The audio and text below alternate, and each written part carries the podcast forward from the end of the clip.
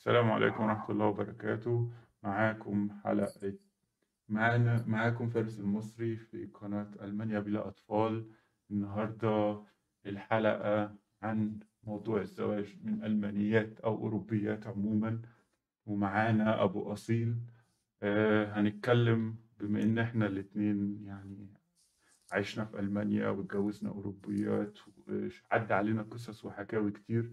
مش لازم الموضوع يحكي مش لازم الواحد يحكي آه، حكايته الشخصية أو يخش في تفاصيل شخصية بس هو المعلومات العامة عموما. يعني آه، بما إن شفنا حاجات كتير وتعلمنا حاجات كتير وشفنا يعني نقط كتيرة بتسبب مشاكل في الموضوع ده ومخاطر وعيوب فإحنا هندردش فيها النهاردة إن شاء الله. آه، الموضوع هيبقى متقسم كام نقطة ورد على بعض الأسئلة. الأول آه، نسلم على أبو أصيل. السلام عليكم ازيك أبو أصيل. السلام عليكم. الحمد لله بخير. كيف الحال؟ تمام الحمد لله. أنا أتوقع إن أنت عندك معلومات كتير برضو بقالك سنين هنا في ألمانيا. والله إن شاء الله آه، المعلومات موجودة ومن تجربة شخصية ومن علاقتي بأصدقاء كثر. تزوجوا من ألمانيات أو غربيات. وهدف مشاركتي في هذا في هذه الحلقة آه، اللي هو نبين لإخواننا الشباب العرب المسلمين المهاجرين آه، ما ما ينتظرهم يعني. آه، وأتمنى أتمنى لو أنني آم، كنت قد حصلت على أي نصيحة قبل أن أقدم على خطوة الزواج من أجنبية ألمانية تحديدا؟ للأسف الشديد يعني أنا كمان كنت أتمنى كده بس للأسف الشديد عندنا أغلبية المجتمعات العربية شايفة أو الشباب يعني شايفين إن هي دي حاجة ميزة وحاجة جامدة وكده. وليها أسباب طبعا التفكير ده وممكن نتكلم فيه. بس فعلا لو الواحد كان اتحذر تحذيرات جادة لو كان آه، عرف العيوب اللي والمخاطر اللي ممكن تحصل كان أكيد ما عملش التجربة دي ولا مر بيها. فأتمنى أن يكون على الأقل يعني لو استفاد واحد خير وبركة لو استفاد عشرة أو ألف أو مليون شاب عربي أو مسلم أو حتى غير مسلم بس من ثقافات تانية غير الثقافات الأوروبية فده يبقى خير كبير يعني هنبقى عايزينه يبقى خالص لله إن شاء الله هي تبقى خالصة لله في الموضوع ده. أي نعم إن شاء الله.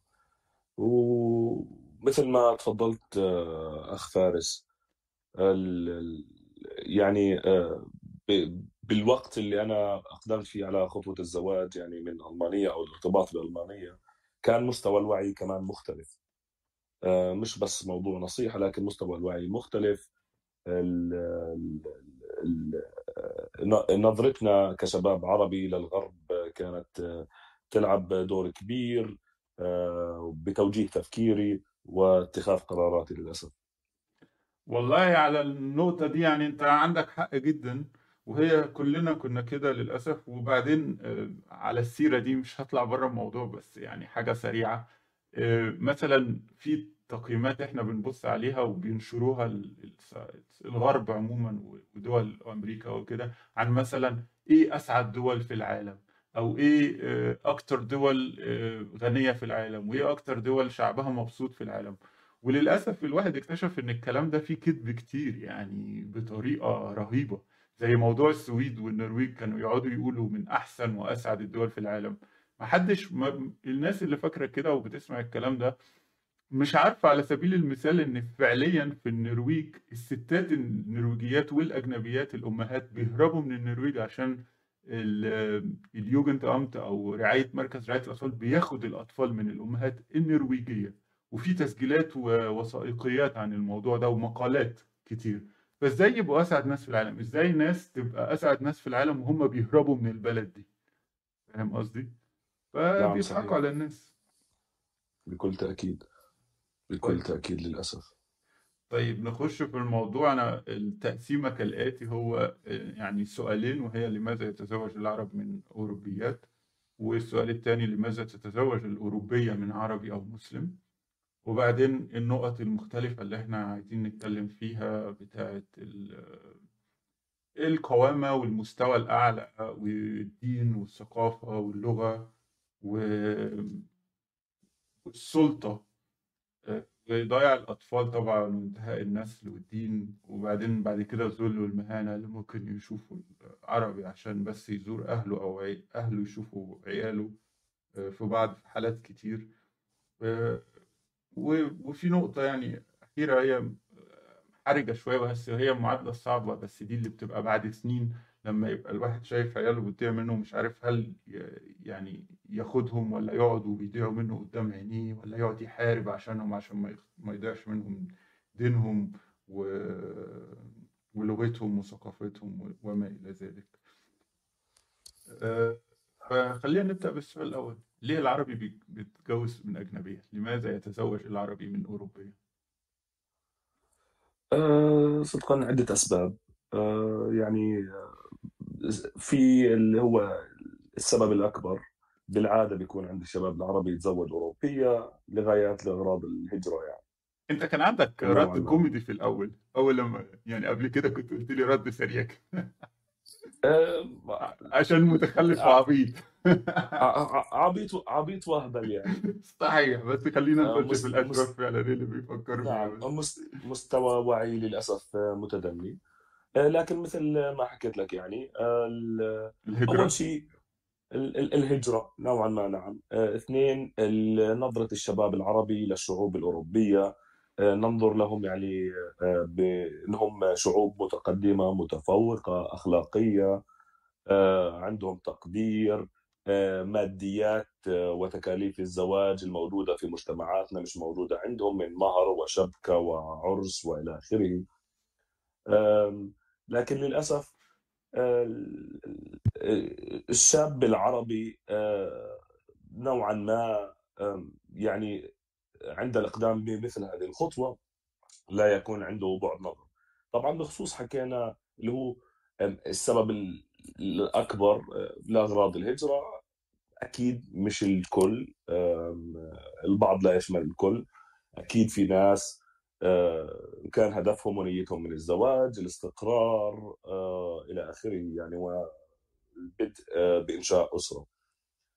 أم، آه، اثنين ال- ال- الأسباب التي تدفع يعني الشباب العرب آه، المسلمين للزواج من أوروبيات. آه، كمان آه، أتمنى ممكن آه، أحد يصححني الفهم الخاطئ للدين آه، من ناحية آه، زواج الكتابيات حلال يعني. طبعا زواج الكتابيات حلال لكن بشروط وبشروط معينة أم، وأغلب وأغلب الأوروبيات أصلا آه، ملحدات يعني. آه، ولدت كمثلا لن لن لن نحكي كمسيحية لكن آه، تسالها الآن شو عقيدتك شو دينك آه، يعني آه، ترد عليك وتحكي لك إن ملحدة أو غير مؤمنة. فزواجنا يعني آه، للأسف لا يجوز منهم يعني. أو أتمنى يعني أحد يصححني إذا كنت على خطأ. هو أنا أتفق آه، معك جدا. يعني أنا فعلا ما كانش نعم. عندي وعي بالنقطة دي و... وفي واحد للأسف يعني واحد حذرني بس واحد تحذيره ما كانش قوي كفاية. أم، بس دي دي نقطة كبيرة دي نقطة كبيرة ومهمة. موضوع إن إحنا أصلا هو موضوع بنسبة كبيرة فيه حرمانية فوق ما يتخيل الناس يعني. نعم بكل تأكيد. وللأسف كمان ال- اللي لاحظته يعني عقدة الخواجة عقدة الخواجة موجودة يعني اللي هو العرق الأبيض يعني بنشوفه كمتقدم عنا بكثير أمور. للأسف لعدم إدراكنا بالإيجابيات و- وال- ومحاسن مجتمعاتنا العربية والمسلمة. ما بنشوفهاش للأسف إلا بعد ما نخسرها ونهاجر ونشوف الوجه الآخر للقارة الأوروبية والأوروبيين يعني بشكل خاص. نعم يعني أتوقع آم، أسباب ثانية.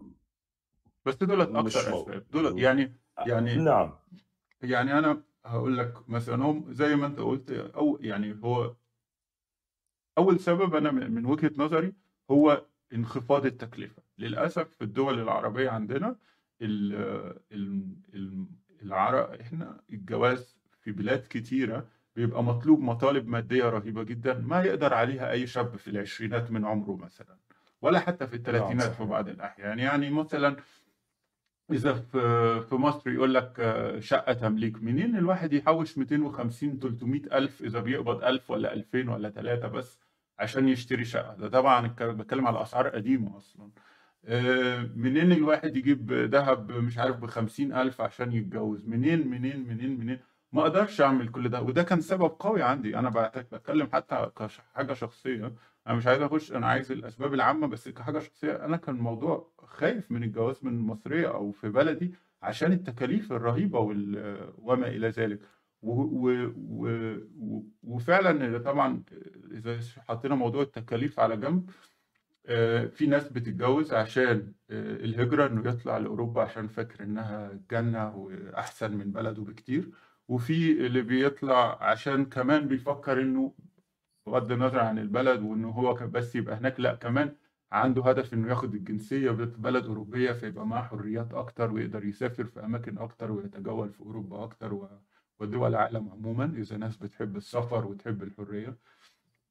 فدوت سبب تاني. بس زي ما قلنا في ناس ودي أسباب مش قليلة. فعلا بتتجوز عشان الجواز يعني هو بس مش مدرك المخاطر يعني بتتجوز يعني أنا اتجوزت عشان أنا عايز أتجوز. مش عشان آه، مثلا موضوع الجنسية أو الهجرة أو ال- أو أوروبا وأظن إن أنت كمان لأن إحنا الاتنين آه، على معلوماتي الخفيفة لما اتجوزنا عشنا في بلادنا يعني قبل ما مظبوط نعم صحيح.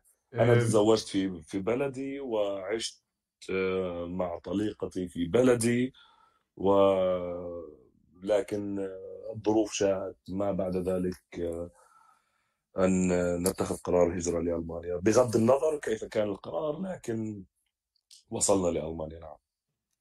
فدي فدي نقطة. يعني أنا برضو بقول مش بس كده. يعني أنا مثلا قبل ما ما أتجوز آه، وقبل يمكن مش عايز أقول حتى قبل ما أعرف آه، طليقتي السابقة أنا كان باسبوري في آه، شنجن في فيزا أمريكا في فيزا دولة من دول الخليج.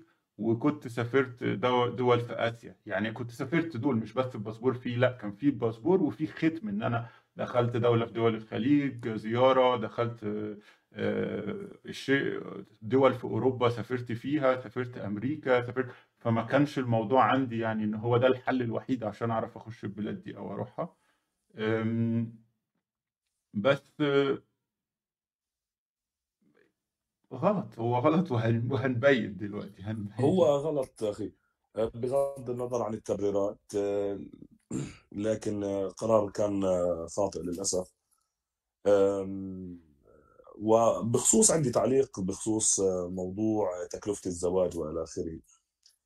بصراحة يعني أنا أحكي عن نشأتي وتجربتي وحياتي بالمختصر. اللي لاحظته دائما الناس تتناقل السلبيات أكثر من الإيجابيات. أه، كذلك الأمر يعني مثل مثل موضوع تكاليف الزواج في مصر هي موجودة كمان في الدول العربية كاملة. وكان صحيح موضوع التخويف من خطوة من الزواج لارتفاع التكاليف بصراحة أكثر من التشجيع على الزواج. لكن أه، والبحث يعني ممكن تدور وتلاقي والبحث. إن مش كله بيعمل كده. في فعلا ناس أسر صالحة وبنات صالحة وبي... وطلباتهم مش مش مبالغ فيها صحيح. كده. مش مبالغه وهذه هذه هذه النقطة اللي أنا جايها يعني. الآن بعد المستوى الوعي اللي وصلت له لا في موجود. في طبعا م- موجود. في ناس مثلا مطالبهم خفيفة وفي ناس مطالبهم عالية يعني. لكن اللي يدور موجود يلاقي يعني يلاقي. على وأصغر الموضوع يعني إحنا كان عندنا استعداد إنه نتزوج من عفوا من غربيات وأوروبيات آه، بقارة أخرى وإلى آخره. لكن ما كانش عنده الاستعداد الواحد يدور في مدينة ثانية من بلده. ويا أخي حتى من بلد يعني عربية تانية يعني لو هي يعني مزبوط صحيح. فقدر الله وما شاء فعل. يعني آه، هاي هي بعض الأسباب اللي تخلي آه، الشباب العرب يقبل على الزواج من أوروبيات للأسف. طيب لماذا تتزوج الأوروبية من عربي أو مسلم؟ والله آه، لنحكي في الحالات بخصوص الحالات اللي أنا شفتها. عن طريق أصدقائي وتجربتي الشخصية بدون الخوض في تفاصيل أصدقائي أو تجربتي الشخصية.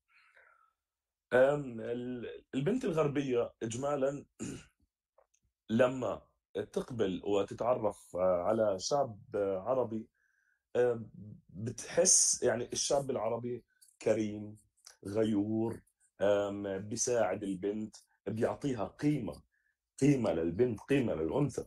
لكن البنت الأوروبية هاي في بلدها ما إلها قيمة بغض النظر عن كلام القانون ال- المرأة والمرأة والمرأة لكن مجتمعيا هي ما لها قيمة نفس الواجبات المطلوبة من الرجل مطلوبة منها بالعمل وإلى آخره. أم، فبتروح للشاب ال- ال- العربي مثلا تتعرف على الشاب العربي. أه، وبتشوف مدى أم، إحسان الشاب العربي لأنوثتها ولكيانها كأنثى فتعجب فيه. اثنين بعض منهم هم فقط منجذبين ل ل للشباب ال- ال- العرب أو الأجانب آه، بعض منهم عنده فضول آه، للتجربة آه، ويعني آه، يخوض التجربة ال- بالارتباط من شباب أجانب. آسف وأنت وأنت وأنت بتتكلم ده في بالي نقطة خطيرة أو يعني على السؤال الأول هو ليه عربي بيتجوز من أوروبية؟ ألا وهو إنه في كتير اتضحك عليهم ال- الوعي المجتمعي إن الشقرة والعينيها الملونة دي الحلوة. يعني من الأفلام الكتير الأمريكاني والبتاع بقى الواحد يشوف اللي لونها أبيض وبيضة تماما وشقرة وشعرها أصفر ولا أحمر وعينيها ملونة هي ده دي مقاييس الجمال. طبعا الكلام ده خاطئ جدا يعني هو يعني في ناس أنا شخصيا مثلا ذوقي القمحويات في ناس ذوقها الأسمر في ناس فللأسف في لعب في الوعي المجتمعي خلى الناس آه، كتير في أفريقيا وكده يفتكروا إنه يعني دي معايير جمال هي دي معايير الجمال الدو... العالمية الدولية. نعم بكل تأكيد. وحتى كمثال يعني لاحظ شركات الألبسة دائما بيعرضوا مثلا ال- ال- ال- البنت الرفيعة وكذا وكذا وكذا. فمقاييس الجمال أصبحت بروجرام مبرمجة آه، عن طريق التلفزيون الإعلانات الراديو وسائل التواصل إلى آخره إلى آخره إلى آخره. يعني البنت الشقراء ذات العيون الخضر أو الزرق أو الملونين هي أجمل بنات العالم. آه، طبعا بكل تأكيد بكل تأكيد الناس يعني أذواق مثل ما يقولوا. لكن آه، كل الاحترام كل الاحترام للفتاة العربية المسلمة. صحيح. طيب نرجع للماذا تتزوج الأوروبية من عربي أو مسلم؟ فعلا أنا متفق معاك في النقطة بتاعة ال- القيمة وإن هو بتلاقي إن العربي الشاب العربي فيه غيرة وفيه احترام وتقدير وفيه بيحاول يحميها ويحاول يحافظ عليها وكرم وحاجات زي كده. طبعا الحاجات دي كلها ما يعني مش متعودين عليها قوي في في أوروبا. صحيح بس في في سبب كمان أنا شايفه قوي جدا ألا وهو إنه بسبب المشاكل يعني بسبب ال- العلمانية والنسوية وكده وبسبب القضاء الأوروبي والمحاكم الأوروبية والاتجاه الأوروبي ضد اللي بياخد صف الست دايما أم، الرجالة بقت آه، الشباب والرجالة الأوروبيين بقوا يخافوا يتجوزوا أوروبية أو يخلفوا منها. وعلى فكرة في فعلا في أمريكا وبعض دول أوروبا في توجه لأن هم يتجوزوا من آسيا مثلا عشان آسيويات نعم صح آسيويات عشان يتغا. هربا من مشاكل الجواز من أوروبيات أو أمريكيات ألا وهو إنه فعليا آه، بيبقى فيه استغلال وبعدين آه، لو خلفة هتقع في في حاجات آه، رهيبة تكاليف رهيبة والقضاء دايما بيقف ضدك وكده ففي امتناع في امتناع عن ال... ويقول لك طول ما أنا أقدر آخد الجنس ببلاش أروح أقابل واحدة في في بار آه، صاحبها شوية خلاص أنا محتاج إيه؟ يعني إذا الراجل احتياجه آه، للجنس أكتر من الست والست آه، احتياجها لأنها تبقى أم أقوى بكتير من احتياج الأب الراجل إنه يبقى أب لأن ربنا خلقها كده يعني الأمومة غريزة فيها. فهي مش بتو- بيبقوا مش لاقيين الموضوع ده مش لاقيين الراجل اللي هيتجوزهم وهيجيبوا عيال منه. يعني بيبقى الرجالة رافضة. رجالة كتير في أوروبا بترفض إنها تخلف. بكل تأكيد لأنهم مد- مدركين. مدركين المخاطر. عواقب الز- الزواج والمخاطر. نعم. صحيح. صحيح. ف... نعم. فهم مش لاقيين. يعني هم بيبقى مش لاقية اللي يتجوزها في في بلدها من أهل بلدها فبتيجي.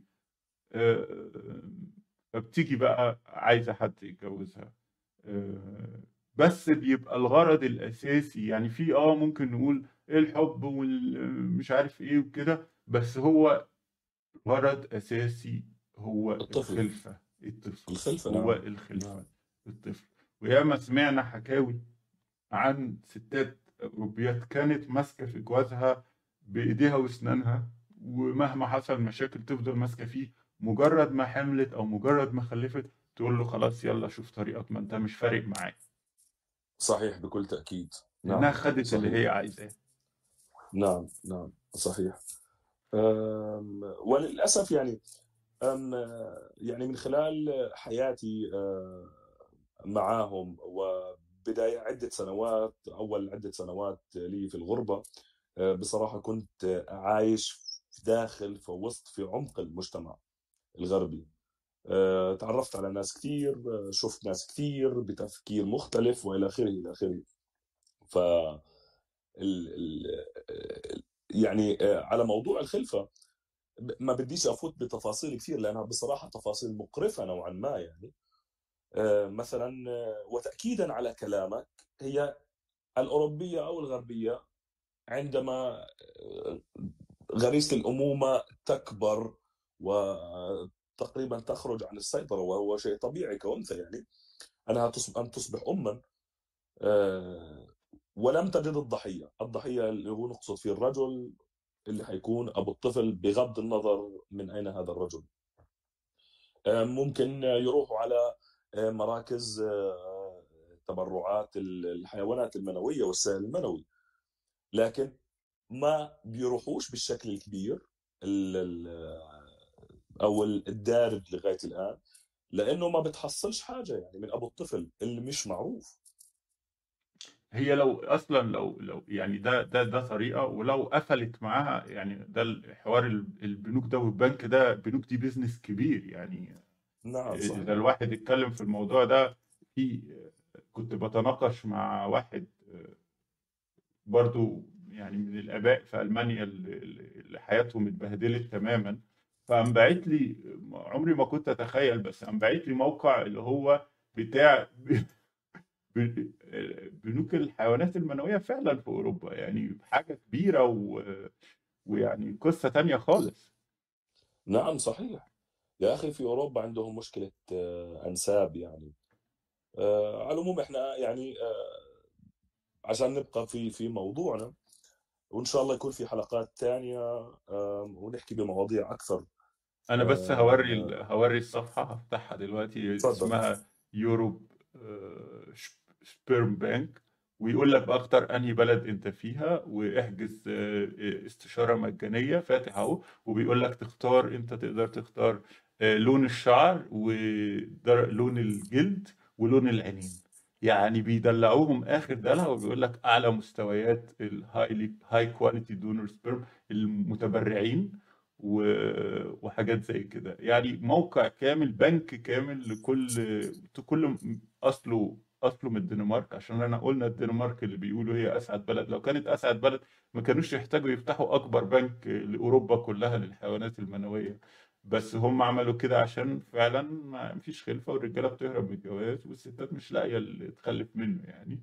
وفعلا بقى ممكن تختار البلد من الأوروبية وتقوم دايس يقوم يقلب لك على أوه أنت عارف أنا اخترت ألمانيا دلوقتي إيه اللي حصل؟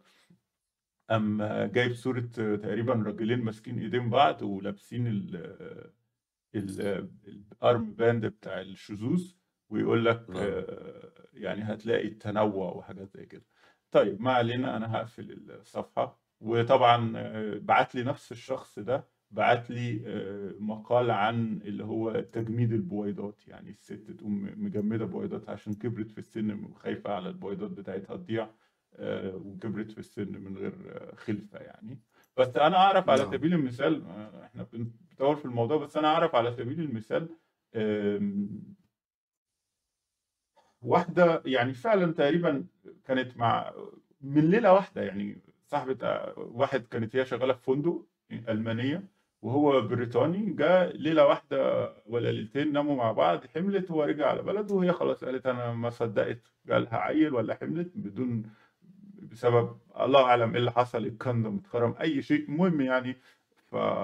فحملت وخلاص ومكملة ومكبرة على كده. طبعا دي مش زي بقى الأذكى الأذكى منها اللي بيقدروا يتجرأوا يطلعوا يقابلوا العرب والأجانب ويقوموا إيه موقعينهم في في شباكهم وبعدين ي- يوقعوهم بقى في مواضيع التكلفة والخلفة وي- وعارفين هم عارفين إن إحنا ما بنسيبش عيالنا بالساهل إحنا عندنا الأسرة حاجة مهمة وعندنا الأطفال حاجة مهمة لأسباب آه، مجتمعية وثقافية ودينية فعارفين إن أنت هتبذل مجهود عشان العيال وهتصرف عليهم حتى لو مهما كانت المشاكل اللي هيعرض اللي هتتعرض لها يعني. نعم للأسف لكن للأسف آه، ما بيقدروش هذا الشيء للأسف. آه، زي على ما قلت في ألمانيا أنا هقولها بالألماني في ألمانيا ein Vater bedeutet nur ein Geldgeber. هما في ألمانيا معنى الأب عندهم هو معناها يعني بنك واحد بيدفع فلوس وخلاص. نعم صحيح. نعم. ملوش أي للأسف. قيمة تانية غير كده. للأسف. وطبعا هذا الموضوع سبب مشاكل كبيرة آه، في أوروبا. يعني عندهم مشكلة في في بناء أسر؟ عندهم مشكلة في في نسبة المواليد؟ عندهم مشاكل في نسب وارتفاع حالات الطلاق إلى آخره يعني. صحيح صحيح. طيب إحنا ممكن نخش آه، في ال- في النقط بقى المشاكل والعواقب اللي بتحصل بعد ما الواحد يتجوز. بس آه، بفكر إن أنا يعني نوقف كده كأنها الجزء الأول وبعدين نقلب على الجزء التاني. السلام عليكم ورحمة الله وبركاته. مرحبا بكم في قناة ألمانيا بلا أطفال. إحنا بنكمل الحوار اللي بدأناه آه، في الحلقة اللي فاتت آه، ما بين آه، فارس المصري وأبو أصيل عن يعني العنوان قبل الزواج من ألمانيا ألمانية أو أوروبية. وعن آه، اتكلمنا في الحلقة اللي فاتت عن الأسباب لماذا يتزوج العربي من أوروبية ولماذا تتزوج الأوروبية من عربي أو مسلم دلوقتي هنبدأ نخش بقى في المشاكل اللي بتحصل بعد الجواز إيه رأيك يا باشا؟ نبدأ بإيه؟ السلام عليكم ومرحبا آه، من جديد آه، مشاكل بعد الزواج من آه، يعني تبدأ بالتدريج تبدأ بالتدريج. اللي هو من لحظة اكتشاف الزوج المهاجر يعني لاختلاف ما كان يتوقعه أو ما كان يحلم به عند وصوله وهجرته إلى ألمانيا. يعني الفتاة الذي تعرف عليها وتزوجها في بلد آخر ك- إذا تزوجها في بلد آخر يكتشف آم، عندها آم، حياة أخرى هون آه، لا تنطبق بنفس المعايير عنده يعني.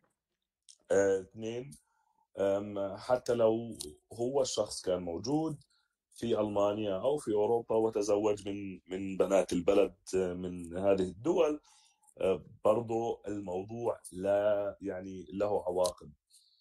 آم، مفهوم الأسرة والحياة الزوجية آه، مختلف تماما بين آه، المفهوم العربي المسلم المحافظ والمفهوم الأوروبي الغربي.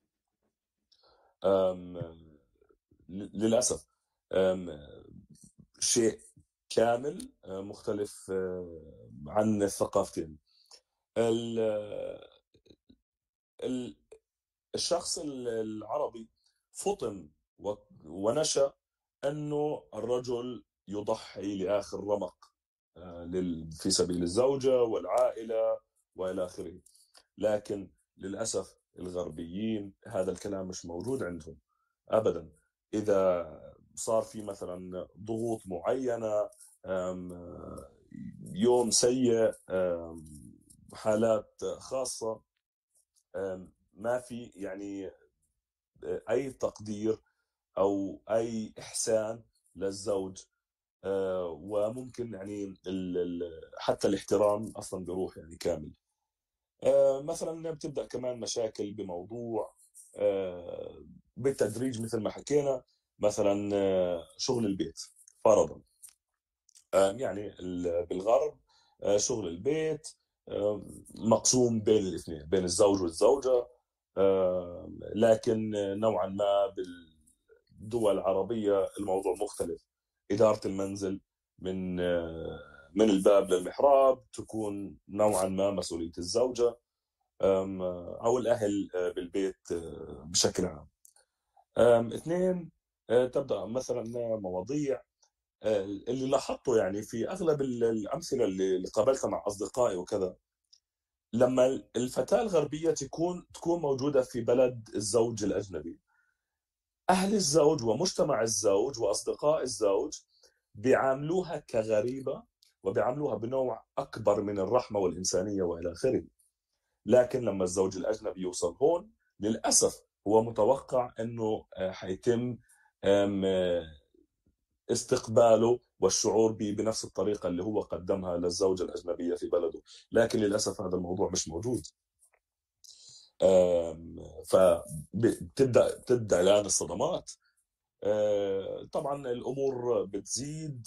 في حال مثلا الأطفال الزوج الشاب العربي مثل ما حكينا بالحلقة الأولى هو غير مدرك وغير واعي على المخاطر التي تأتي ما بعد الزواج. ومن ضمنها الأطفال ونشأتهم وتربيتهم. جيت الزوج العربي مثلا يريد أن يسمي اسم عربي ويختار الديانة ويقول يعني ابني مسلم أو بنتي مسلمة إلى آخره تبدأ هنا المناكفات والمشاكل وإلى آخره. يعني بعض الأمثلة التي رأيتها يعني حتى الزوجة تكون أسلمت يعني تكون أسلمت لكن تقول مثلا آه هذا الطفل أوكي هو الآن مسلم لكن من يكبر هو حقه يختار دينه مثلا. آه تبدأ هذه المشاكل آه وللأسف نوعا ما يعني عند الأغلبية الأغلبية اللي شفتها الشاب العربي بيعمل تنازلات لكن الغربية ما تعمل تنازلات. ابدا يعني من النوادر إنها عملت تنازلات لا موضوع مثلا الأولاد والدين وإلى آخره وإلى آخره وإلى آخره. يعني تقدير إنه هذا الشخص الأجنبي بغربة بعيد عن أهله هذا يعني على الأغلب مش موجود ولا حيكون موجود. نهائي. فنهائيا لا. فللأسف أسميه حتى أنا مش الشاب العربي أسميه الضحية العربي يعني الضحية الزوج الأجنبي. يبدأ يفوت يدخل مثلا يبدأ يمرض نفسيا يتعب نفسيا بصدق وأمانة يعني إحنا بنحكي ونقول يعني إحنا هدفنا التوعية وما نجمل أي شيء يعني وال وال والأشياء بمسمياتها نذكرها ونحط إصبعنا على الجرح يعني. صحيح. تبدا هون المشاكل. فللاسف 99 من الزيجات المختلطة ما بين العرب وال والأوروبيين الغربيين 99% منها فشلت يعني. طبعا فشلت مش بعد 20 سنة و15 سنة لا لا فشلت فشل سريع يعني. آه تقريبا يعني مع أول طفل تكون فشلت. بمجرد ميلاده يصير عمره سنة خلاص تكون الزيجه انتهت يعني خلاص. للأسف.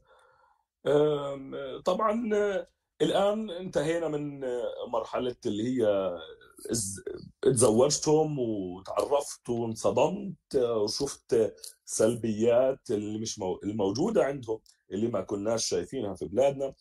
الآن نحكي على المدى البعيد. لا خليني أقول لك نقطة بس على المدى القريب الأول. تفضل تمام. في المبدأ اللي أنا هقوله ده ده ينطبق على العلاقة ما بين الرجل والست في في دول العالم كله. يعني ملوش علاقة بس بأوروبية أو غير أوروبية. هو الست كده والراجل كده إن الست المفروض بتشوف واحد يكون أحسن منها.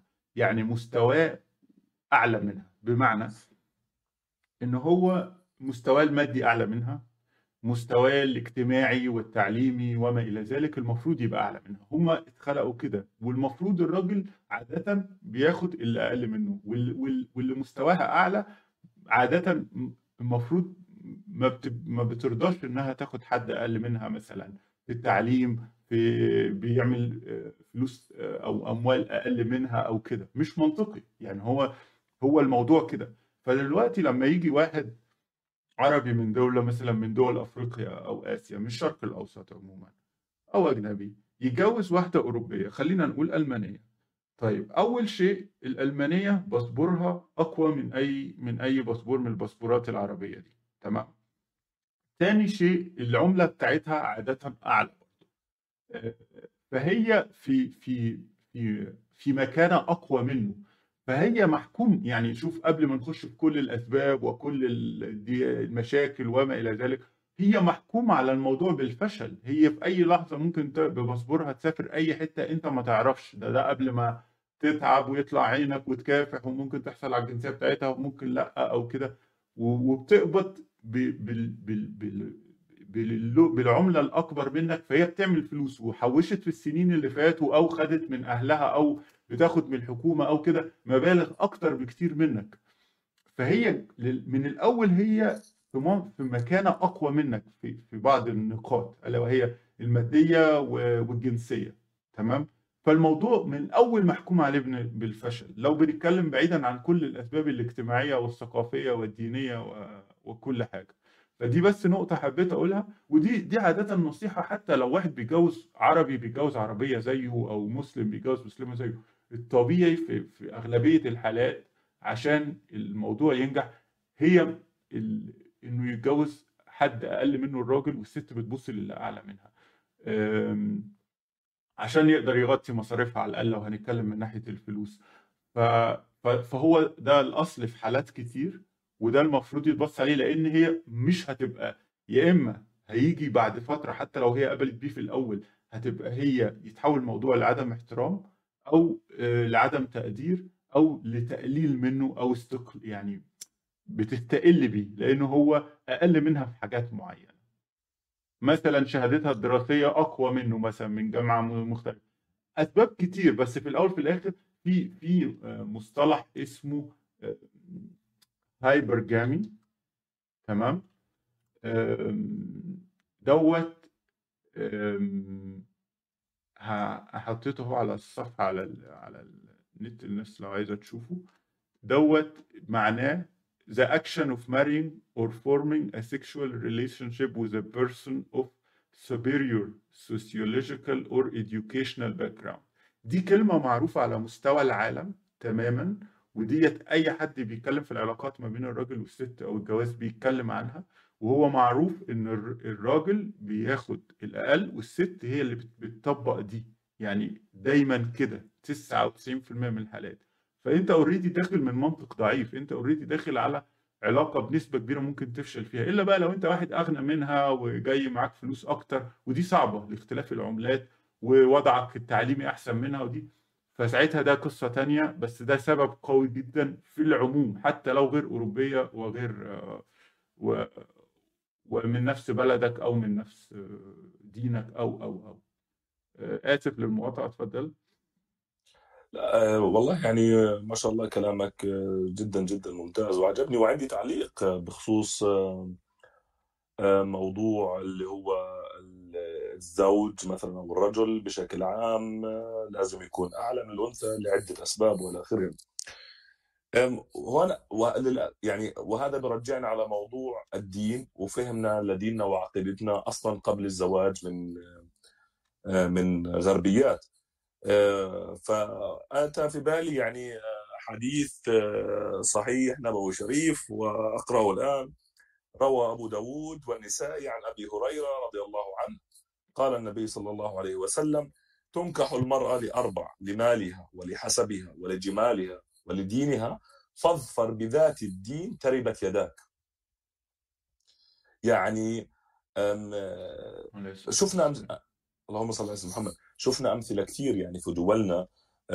مثلا أحيانا كمان كثيرة يعني يكون الرجل من مستوى مادي واجتماعي أقل من الزوجة يصير زواج ولكن يكون زواج ناجح. ليش؟ وجود عقيدة وجود دين وجود مخافة الله. ال- ال- المرأة ال- ال- يعني ال- ال- ال- ال- المسلمة العفيفة تعرف إنه إرضاء زوجها يدخلها الجنة. لكن صحيح. هذا الكلام للأسف مش مزبوط اثنين موضوع مثلا ال- الأوروبية أو الألمانية أو إلى آخره. للأسف شفت شباب وتعرفت على بعض الناس تزوجوا من أوروبيات وكل فكره واو هذه أوروبية وأمورها تمام وإلى آخره. الأوروبية هاي مثلا لما اجى لبلدها وشافها وهو مثال ألماني في ألمانيا اكتشف إنها عاطلة عن العمل تحصل على مساعدات من الدولة وهو شاب متعلم ونسب معروف والى آخره. لكن حتى هذه يعني آه، ال- ال- ال- المرأة الألمانية التي لا تعمل تأخذ مساعدات من الدولة قيمتها الاجتماعية في بلدها في ألمانيا صفر. يعني من النوادر أصلا حتى شاب أم، يل- يعني يتكرم وينظر عليها نظرة أصلا بالشارع يعني. تمام؟ لكن حتى هذا الشاب العربي يجي ويقوم فيها وزوجته ويخاف عليها ولا تقدر هذا الكلام. لا تقدره للأسف. ف يعني ال- ال- الأسباب كثيرة بصراحة والناس يعني تجارب مختلفة شفنا. على لكن على سيرة النقطة دي آه، تفضل. في واحد أعرفه مصري كان عايش في مدينة سيا- سياحية على البحر الأحمر أنا كنت عايش برضو فيها. حكى لي عن واحدة معروفة يعني بريطانية عايشة بقى لها 20 سنة في- هناك وعندها بيت وعندها بتاع. كانت في أول لما جت كانت بتقول للراجل ده كانت صراحة لأنه عارفة إن هو متجوز مصرية فمش مش بيبص عليها أو مش عايز منها حاجة يعني وعنده طفل وكده. فقالت له أنا مش عارفة الرجالة هنا الشباب هنا هيموتوا عليا ليه؟ أنا اللي زيي مرميين في الشوارع في بريطانيا يعني والحواري يعني من, من تحت الكوبري يعني بمعنى يعني اللي زي دولت مرميين في كل حتة بلا أي قيمة ما حدش بيبص لهم أصلا. فانا مش عارفة هي الشباب هيجننوا عليا هنا ليه وبيحاولوا يرتبطوا بيا ليه ومش عارف إيه. كمل يا باشا معاك. نعم صحيح. للأسف يعني اللي ملخص ملخص اللي شفته لموضوع زواج ال- ال- الشباب العرب آه، من أوروبيات غربيات ألمانيات إلى آخره. الشاب العربي بزواجه من هذه الأنثى والله يرفع قيمتها ويعطيها قيمة. طبعا أنا عايز أقول لك التي نعم. أنا أنا متأكد أنا بقول لك في ستات كتير اتجوزوا عشان يخلفوا عشان هم مش عايزين جوازهم لسه عندهم بقايا مجتمعية وتقاليد شوية فما يبقاش العيل من غير جواز. يعني هي ممكن تحمل في الوقت اللي هي تحبه بس هي لسبب المجتمع شوية يعني لأن المجتمع خلاص بقى بيتقبل فكرة ال ال ال- الحمل والخلفة بدون جواز آه، وكده أو بدون علاقة يعني. آه، هي عايزة لازم يبقى حاجة رسمي. يعني عايزة إن هو الولد يجي يتسمى باسم أبوه إن هو جاي عن وأمه عن عن جواز رسمي وكده. لسه في دول أوروبية يعني رسميات بتبقى شكلها مختلف شوية. إن الولد جاي من علاقة جواز مثلا ناجحة. فهم عايزين بس دي. يعني في ساعات يبقى عايزة كده عايزة النقطة دي. هي ده اللي عمل لها نعم. ويعمل لها نعم. قيمة. نعم. وحتى حتى يعني كمان حتى تضمن حقوقها وحقوق الطفل. يعني نشوف الفرق مثلا. آه، في في ألمانيا ال- المتزوج وأب الأطفال عند انفصاله مطلوب منه آه، يدفع مثلا للزوجة للأطفال أكثر مثلا. وتقاسمه مثلا بأملاكه وإلى آخره وإلى آخره وإلى آخره. لكن كثير مثلا من ال- الألمان ممكن يرتبط فيها يصاحبها بدون زواج 10 سنين 12 سنة ويخلف والاولاد يكبروا. لكن نتزوجها بقول لك no way يعني مستحيل أتزوجها. تخيلوا لوين. على العموم يعني للأسف يعني أحاول والله أحاول أحيانا أن أبحث عن شيء إيجابي في في المجتمع الغربي يعني. أو في الزواج صراحة من أوروبية. أو في الزواج يعني أو أنا قاعد نحكي أنا قاعد من امبارح موضوع الح... من امبارح نعم. أول امبارح قاعد أحاول أفكر في أي حاجة إيجابية. الحاجة الوحيدة اللي ممكن حد يعتبرها إيجابية وأنا حتى ما بقتش أعتبرها إيجابية هو إنه مثلا يحصل على الجنسية. ما يعني حتى ب- ما فيش. أنا بالنسبة لي ما فيش منه أي فائدة ما في منه أي إيجابيات. بالعكس هذا زواج طريقه وعر محكوم بالفشل بمر بكثير مطبات آه، بيأثر على الحالة النفسية لشبابنا بشكل كبير. آه، ملوش داعي ملوش داعي والله ما له داعي. طيب خلينا نخش في كام نقطة واضحة وصريحة. أم، ال- الأوروبيين عموما وده هثبته دلوقتي ال- الكحول عندهم حاجة أساسية تمام؟ نعم. طيب الأوروبيين عندهم حاجتين أخطر من بعض ألا وهما آه، أقولها لك إزاي؟ لا إله إلا الله. عشان ينبسط لازم يشرب. ولما يبقى نعم. حزين بي بي بيقاوم حزنه أو بي بي بيتعامل مع حزنه بإنه يشرب برضه خمور وكحول. فأنت بتتكلم نعم. في أكتر حالتين البني آدم ممكن يكون فيهم. لما هو مبسوط وسعيد أو عشان ينبسط يعني بيشرب كحول. ولما يبقى حزين بيشرب كحول أو يرمي نفسه ويقعد يشرب كتير. تمام؟ نعم. في الموضوع. وهي حاجة أساسية يمكن يومية للإنجليز والألمان بالذات والأغلبية الشعوب الأوروبية بس الإنجليز والألمان بالذات. و... و... وأكبر دليل أكبر أكبر دليل في الدنيا على كده اللي مش مصدق أو اللي عمره ما جاء أوروبا إنه آه، اللي حصل في كأس العالم إن هم معترضين وزعلانين إن هم مش هيعرفوا يشربوا في الساعتين الثلاثة اللي هم جوه الاستاد فيه. وعملوا مظاهرات وثورات. ومقالات وحوارات تلفزيونية كل ده بس ضد فكرة إن هم مش عارفين في الساعتين الثلاثه في اليوم اللي هم بيتفرجوا فيهم على الماتش يخشوا من غير كحول أو يشربوا من كحول ده وصلت إن في بعضهم بيهرب يمسك كان يغطيها ببتاع كانها ك- يعني علبة بيبسي أو أو صودا أو بتاع وهي من مخبي من جواها كحول خمرة أو بيرة أو كده. فدي نقطة من أخطر النقط أنت هتتجوز واحدة متعودة إنها عشان تنبسط لازم تشرب وعشان ولما تبقى حزينة تضيع نفسها في الشرب. مع العلم إن هي لما تعمل كده سواء حتى لو أنت مثلا كنت الجامد ومنعتها إن هي طول ما أنت متجوزها إنها تشرب ودي في ناس قليلة عرفت تعمل كده أو هي قالت أنا ما بشربش. على فرض إنك جبت منها عيال وبعد كده هي أو أو أنت كنت مسافر وشايبها وهي شربت. انت متخيل من قمة الغلط اللي ممكن تعمله وهي شاربه بغض النظر عن ال- الأمان والحوادث وال والحاجات دي إنها ت- تروح بقى تزني ولا تجيب راجل غريب في البيت حتى لو أنتم متطلقين بس قدام عيالك يعني حاجة رهيبة. مجرد إنك تفكر في نقطة زي دي. طبعا. واللي لاحظته في موضوع الكحول آه، عند الأوروبيين الكحول هو بوابته حتى يتصرف براحته. يعني مثلا اللي بتشوفهم بزنس مان وسوت وجرافة وهندام ما شاء الله هذا لما يطلع على أحد المهرجانات مثلا. عفوا. آه، ويبدأ بتعاطي الكحول وشرب الكحول.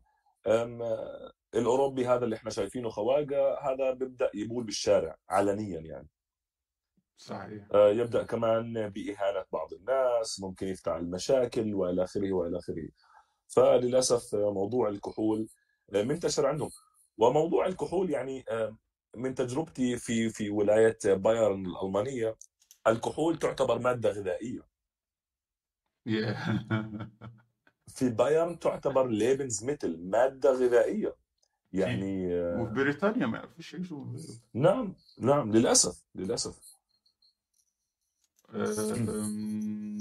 طيب طيب خلينا يعني نخش بقى في شوية نقط ونحاول نختصر فيها. اتفضل. أولا أنت عندك عندك ال- الثقافات أه، هو بيبقى فيه صراع ثقافي كبير جدا. تاني حاجة بيكون موضوع القوامة ده ملغي. فموضوع القوامة اللي هو ملغي آه، ليه, ليه؟ يعني أنا لما بسأل ناس آه، وأفكر مع نفسي ما هو الوعي بيزيد. ليه الراجل عنده القوامة في أسباب كتير قوي بس أنا شايف أقوى سبب هو إن الست بتفكر بالعاطفة عن والراجل بيفكر تأكيد. أكتر بالعقل. ف- فبسبب إن الست بتفكر بالعاطفة ودي حصلت مع أي واحد اتجوز سواء أو ارتبط سواء عربية أو أجنبية أو مسلمة أو غير مسلمة إنه في أي لحظة ممكن تقول لك طب طلقني طب سيب لي طب ننفصل من أي حاجة تافهة أو بسيطة. فالكلام ده لو أنت بقى راجل متجوز مسلمة وعايش في بلدك مش هتطلق يعني هتتغاضى عن الموضوع هتتحكم في نفسك كده وخلاص. مش لعبة هي. إنما أنت بقى لو عايش مع أوروبية وهي كده يا إما هتقول لك امشي من البيت أو هي تمشي وتسيب لك البيت وخلاص وخدت القرار في لحظة بتاعه واستحمل اللي يحصل يعني. وخلاص وانتهى الموضوع. فدي فدي نعم صحيح. آه، نقطة. موضوع الدين ده يعني موضوع كبير جدا ممكن نتكلم فيه من هنا لبكرة على كل حاجة في دينك هم رافضينها حتى لو ما بينوش كده في الأول. ختان الأطفال لا لا خطر ومش عارف إيه. اللي العيال تتعلم شوية عن الصوم لا لا لا. طب العيال أنا مش عايزهم يتعلموا عن الجنس لا لا لا. طب إيه إيه تقول لك آه الواد لما يكبر يبقى 13 14 سنة عادي ممكن يصاحب ويمارس الجنس مع بنت بدون جواز. ك- كمية كل حاجة ضد الدين موجودة. غير الثقافة اللي هي آه، يعني مثلا الاحتفالات كلها احتفالات يا إما كافرة أو مسيحية يعني الكريسماس ال- السانت مارتن المش عارف إيه كل احتفالات وأجازات عندهم هتلاقيها بنسبه فوق 90% مرتبطة بالديانة المسيحية والكنيسة حتى لو هم مش عندهم المسيحية قويه بس هي كده بلادهم كده احتفالاتهم مرتبطة وأجازاتهم وكل حاجة بالموضوع ده. فخلاص ابنك أو عيالك بيتعلموا الثقافة اللي هي ديت وبيدفنوا فيها مهما حاولت. معنى لما يبقى انت ابنك عايز يعني مثلا تحتفل بالعيد تمشي في شوارع ألمانيا في عيد الفطر ولا عيد الأضحى ما فيش أي مظهر من المظاهر. في رمضان ما فيش أي مظهر من المظاهر. فهو الثقافة ضايعة إيه، الدين بنسبة كبيرة ضايعة ودي ممكن نتكلم فيها كتير بس نخليها للآخر. وطبعا اللغة كمان بتضيع.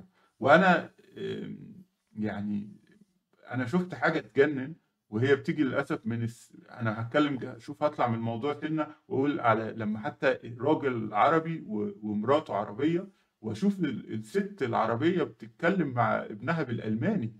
طب انت أصلا كل ال- البلد وكل الحكومة والحضانة والمدرسة والمجتمع والشوارع بيتكلموا بلغة بلدهم.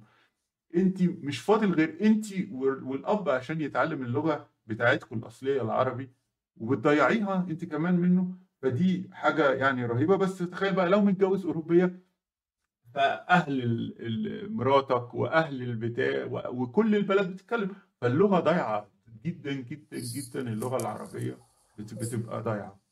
تمام؟ نعم بكل تأكيد. وللأسف حتى الطفل بدون اللغة العربية يفقد أي تواصل حتى مع أهله في في في في دو- في دولة الوالد للأسف. تعالى بقى دولة الوالد أصلا هم أوتوماتيك أوتوماتيك جدا. معروف إن هو آه، أو مش معروف هم بيتعاملوا باعتبار آه، إنه إن أي أب هيطلع بالولد بره حتى لو مش عربي وحتى لو مش مسلم حتى لو مجرد أجنبي. بره ألمانيا أو الشنجن دلوقتي هو هياخد العلم ومش هيرجع بيه. سواء حتى ده حقيقة أو مش حقيقة هم بيع- بيعاملوك كأنك مجرم ومختطف من الأول.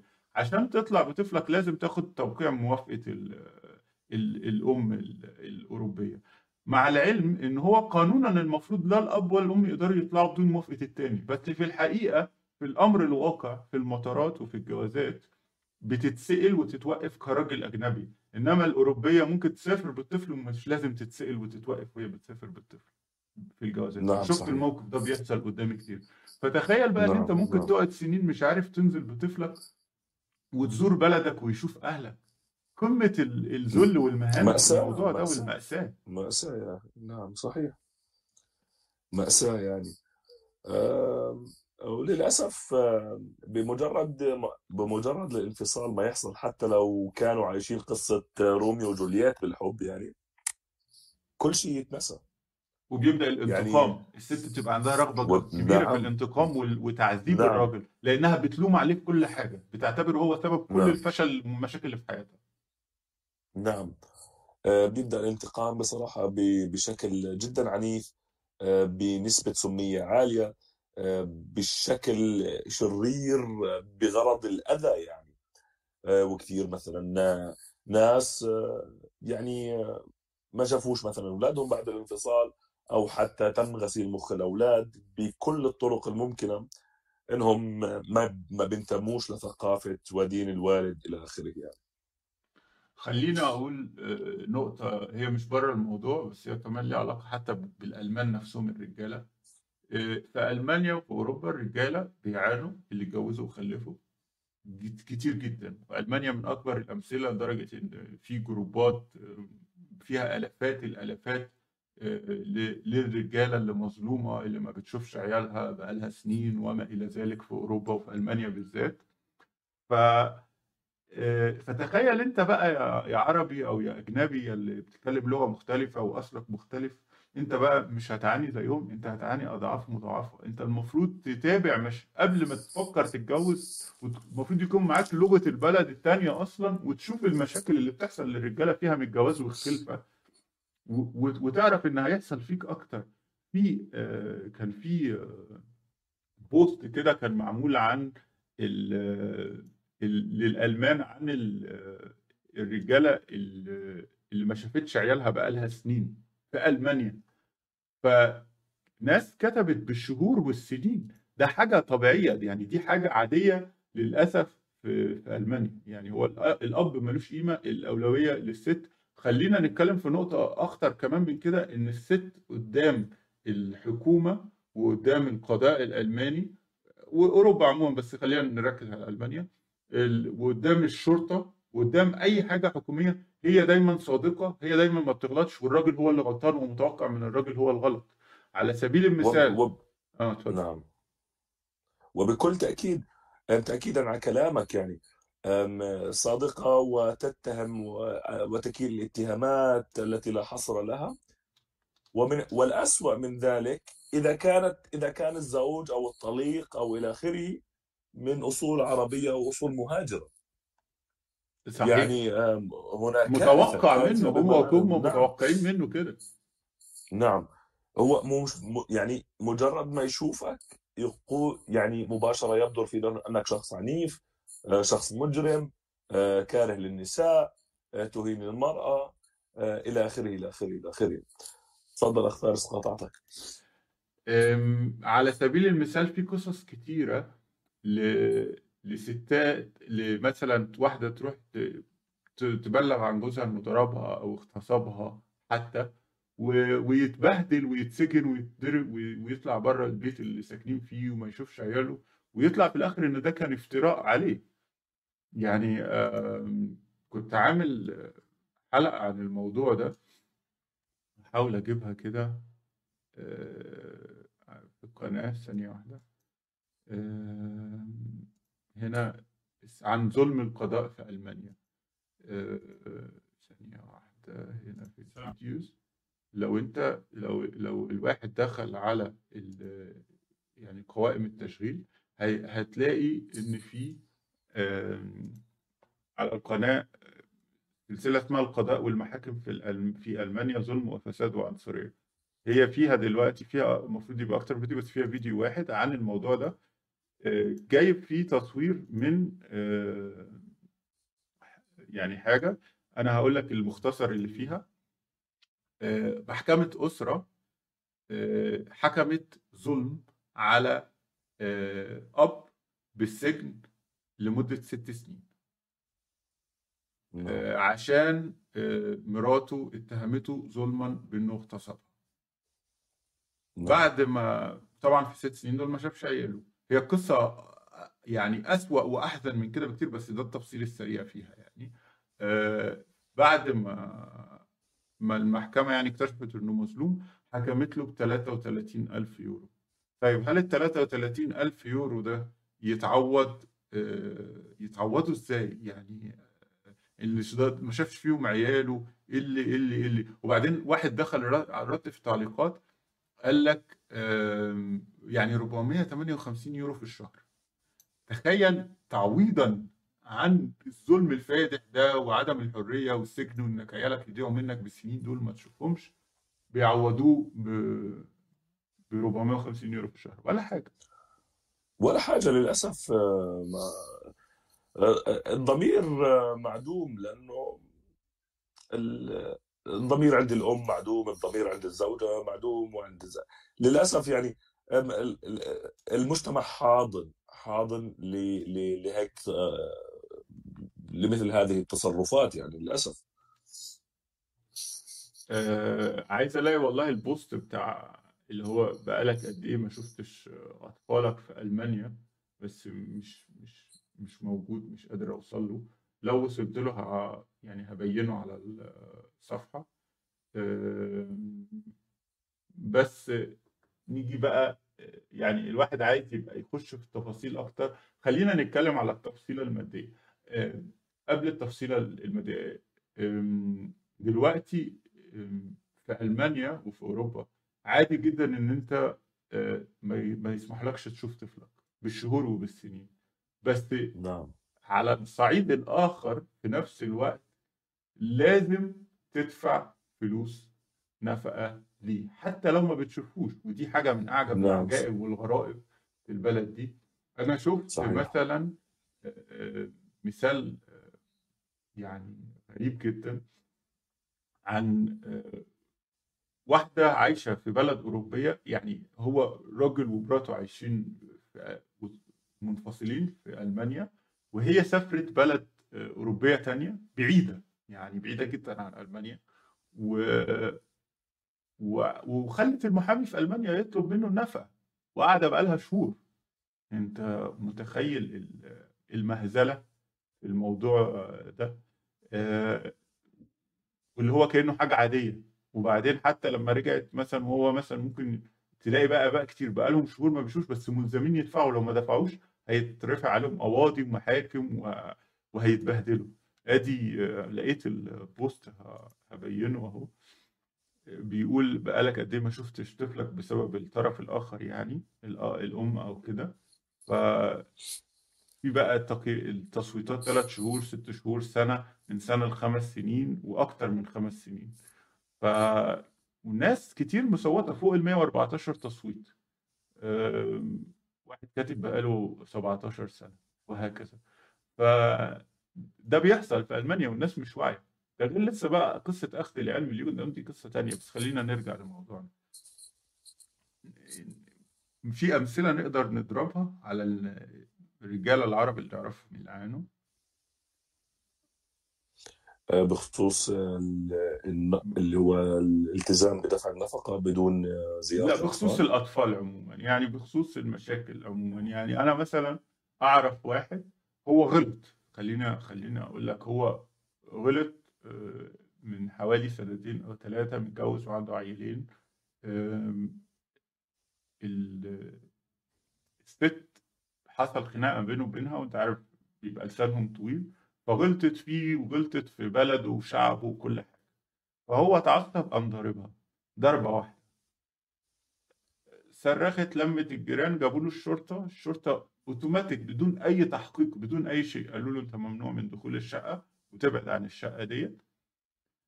وهو نام في الشارع كام يوم وبعد كده شاف حد ينام عنده. وحياته اتدمرت من من هذه اللحظات. حياته اتدمرت بسبب إنه مد إيده عليها مرة واحدة وإحنا ضد أي عنف وضد أي ضرب للست آه، وضد لازم الواحد يتعلم يتحكم في أعصابه كويس جدا. بس تخيل إن بسبب غلطة زي دي بغض النظر إن هي ممكن تكون هي كمان ضربت بس ما حدش يقدر يقول كده ولا يغلطها في حاجة. بكل تأكيد آه، بكل السنين دي ما تأكيد. شافش و... بيشوف عياله كل فين وفين بالعافية آه، آه، حياته اتبهدلت ما فيش آه، شغل آه، شغل ضعيف جدا. و- والحكومة الألمانية عاملة عليه ديون عشان نفقة رغم إنه ما كانش شغال وما كانش عارف يشتغل وما كانش عارف يعمل فلوس عليه فوق ال 20 30 ألف يورو لدرجة إنه وصل للإفلاس للحكومة. نعم. أم ل- للأسف آه، مثل ما حكينا يعني أم ال... يعني بخصوص ال- ال- العنف إحنا ضده ولا نشجع العنف ولا أي شيء. لكن أنا مثلا من ضمن الأهداف أو الأمنيات الموجودة عندي من خلال الحوار آه، معك أخ فارس إن وعي الشباب اللي تورط اللي تورط ودخل كيف يتعامل مع المشاكل كيف يتعامل معاها. ده عايزين يعني نعمله بقى سلسلة لوحدها أو حلقة لوحدها حلقات بكل تأكيد. عشان ويبقى كل حلقة واضحة عن نقطة معينة أو نقطتين معينين نعم. عشان ما يبقاش الموضوع تايه من بعضه. بس هو المختصر يعني أو أو ال- الملخص بكل بساطة إنه أنت هتتجوز هيضيع يعني هتتجوز أوروبية بنسبة كبيرة احتمال دينك يضيع. على فرض إنك عرفت تحافظ على دينك فأنت بنسبة كبيرة جدا أطفالك هيضيعوا نسلك هيضيع ثقافتك وحضارتك كل حاجة تخصك هتضيع. لأنك خلاص العيال اللي نعم اتولدوا دولت بقوا تبع البلد التانية. أم، يعني يمكن أقول لك كان الحالة الوحيدة اللي كنت شايفها هو إن هم عايشين في البلد العربية أو المسلمة. بس ده موضوع خطر جدا لأنه ممكن في أي لحظة وأنا أعرف ناس مجرد ما يعني موقفين مختلفين بيتكرروا بمئات المرات إن هي الأوروبية مجرد ما حملت قامت مسافرة وقالت أنا هسافر زيارة وما رجعتش. أو بعد ما خلفت بسنة سنتين سنه ولا سنتين قالت له أنا هسافر بقى أروح أزور أهلي مش عارف إيه وقامت واخدة العيال وقامت ما رجعتش. ما رجعت صحيح نعم. وساعتها ما دولهم اختطاف. لا ما بيسموه اختطاف ما اختطاف لا. هو إنما بيسموه لو الأجنبي من عمله من يبقى اختطاف. الجحيم. آه. بيقولوا هربت من الجحيم وراج ورجعت إلنا. إنما لو الأجنبي عمله لكن اختطاف. اختطاف اختطاف. والله لو حتى أخذ أولاده من المدرسة بدون علم أحد ورجعهم المساء وكذا إلى آخره بيعتبروه برضه اختطاف. للأسف. طول ما هو نعم من من الراجل ومن الراجل الأجنبي هو اختطاف. الست تعمل اضعاف نعم. أنا عندي تسجيل من محكمة القاضية آه، آه، في محكمة الأسرة. لأن في ناس بتبعت لي حاجات يعني. القاضيه الراجل بيشتكي إنه آه، الأم خدت الطفل آه، أو الطفلة آه، في وقعدت في بلد أجنبية تانية 8 شهور في السنة كلها. تمام؟ نعم. آه، فهو شاف عياله آه، في الشهور دي يعني كل شهرين ثلاثة مرة مثلا لو هي جابتهم ورجعت تاني أسبوع ولا كده. ف... نعم ف- فهو خد طفله وسافر. بغض النظر ده كان غصب عنه إن هي الأم مش مش برضاه يعني إن هي تقعد في البلد التانية بس طبعا هو ضعيف في بلدها ولغتها وكل حاجة. آه، فخد طفله أسبوعين. أنا معايا التسجيل وهي القاضية بتقول له الأسبوعين دول اختطاف والثمان بيقول لها الثمان أشهر دول هم اللي يعتبروا اختطاف إنما الأسبوعين دولت يعتبروا أجازة. يعني زياره أجازة. فقالت له لا الثمان شهور دول يعتبروا أجازة في حين الأسبوعين اللي الأب خد فيهم طفله في سفر اختطاف. اختطاف. نعم. وعقوبات رهيبة أنت عارف بقى بيعملوا عقوبات ممكن توصل لحد السجن وغرامات مادية رهيبة في الموضوع. نعم نعم نعم. بيطبقش طبعا غير على الأب. نعم للأسف. للأسف يا أخي. فوالله يعني هدفنا من الحلقة آه، أو السلسلة أو الحوار إنه يعني نوعي ال- الشباب العربي الشباب المسلم آه، عندك اختيارات أفضل. آم، أنت بتفوت بطريق وعر ملوش داعي بحياتك أصلا يعني. آه، وتبعاته لا تنتهي بس عند حدودك. أنت يا رجل يا أخ عربي تبعاته تمتد لأولادك. الأذى النفسي يوصل لأهلك ما بيشوفوش أحفادهم ما بيشوفوش إلى آخره. آه، آه، حبل التواصل بينك وبين أولادك. م- عمره ما راح يكون مثل حبل التواصل الم- المبني الموجود بينك وبين أمك وأبوك اللي ربوك في بلدك وإلى آخره. يعني ملوش أي فائدة ولا أي فائدة نهائيا الزواج والارتباط من أوروبيات.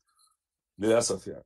يا أخي يكفي, كمان برضو إنك لما تيجي آه، وهي معاها اللغة إن هي ممكن توقعك في أي مواقف بسبب إن هي يقول لك أعرف لغة عدوك هي معاها اللغة تقوم هي تخليك تمضي على حاجة مثلا وهي بت بت بت بت بت بتقلل منك أو بتوقعك في مشاكل. ممكن تخليك تسخر منك قدام أهل بلدها وأنت مش فاهم هي بتقول إيه. يعني طبعا كل نقطة نقطة في نعم. كمية نعم. حاجات رهيبة هما مش الناس مش متخيلها بس خلينا اختصر كل المشاكل كل المشاكل كوم وإن أطفالك يضيعوا منك أو يتاخدوا منك دول كوم تاني خالص. وهنا وهنا المأساة. بس يعني لو واحد بيخاطر إنه طفله يتاخد منه اللي ضناه بسبب جوازه من أجنبية أو حتى لو واحدة واحدة مسلمة واتجوزت واحد أجنبي طبعا حرام بس على فرض إن هو قال لها مسلم ولا بتاع فكرة إن يضيع منها الضنا وياخدوا الطرف الأوروبي لأنه معاه قوة حكومته وقوة بلده وقوة الباسبور وما إلى ذلك أو هو قاعدين في بلدها في بلد الأوروبية. أم، لو في خطر واحد في المية إزاي تعمله؟ لو واحد في المليون إزاي؟ أنت مش متخيل ال- العذاب والتدمير النفسي والمعنوي ده قتل بالبطيء لو حصل فيك. وهو حصل مع آلافات الآباء هنا. وشفنا قدام عينينا. بكل تأكيد للأسف بكل تأكيد. بكل تأكيد للأسف. آه، يعني شيء ما بصراحة آه، مأساة الأطفال آه، مأساة الأطفال هي الأكبر للأسف يعني ونشأتهم وكيف يكبروا وإلى آخره يعني. والله يا آم، أخي أنا يعني مش عارف إيه اللي الواحد يقوله تاني أكتر من كده بس في حاجات كتير تتقال بس أنا مش عايز أبقى اطولنا أم، هو يعني يا جماعة بنسبة تسعة وتسعين في المية إن ما كانش مية في المية اللي هيتجوز أوروبية اللي هيتجوز أجنبية غير مسلمة. آه، من الآخر هي كافرة حتى لو قال لك قالت مسيحية والله والله والله في أجانب وألمانيات راحوا الجامع وقالوا أسلمنا بس عشان يعرفوا يتجوزوا العربي أو المسلم. أقسم بالله. صحيح صحيح. آه، وبيبقى ما عندهمش دين. يعني مثلا في مصر عشان تتجوز المفروض ال- الست تبقى عندها دين. لو هي قال قالت إنها بلا دين مش هتعرف تتجوزك وممكن تقوم قايلة مخصوص إنها مسلمة عشان تعرف تتجوزك صحيح. فالموضوع آه، يعني آه، فوق ما تتخيلوا إن هو هتندم أكبر ندم. مفيش 99% من الحالات فشلت بخسائر مختلفة. يعني في خسائر قليلة في خسائر متوسطة في خسائر عالية. بس خسائر خسائر جامدة في الأول وفي الآخر.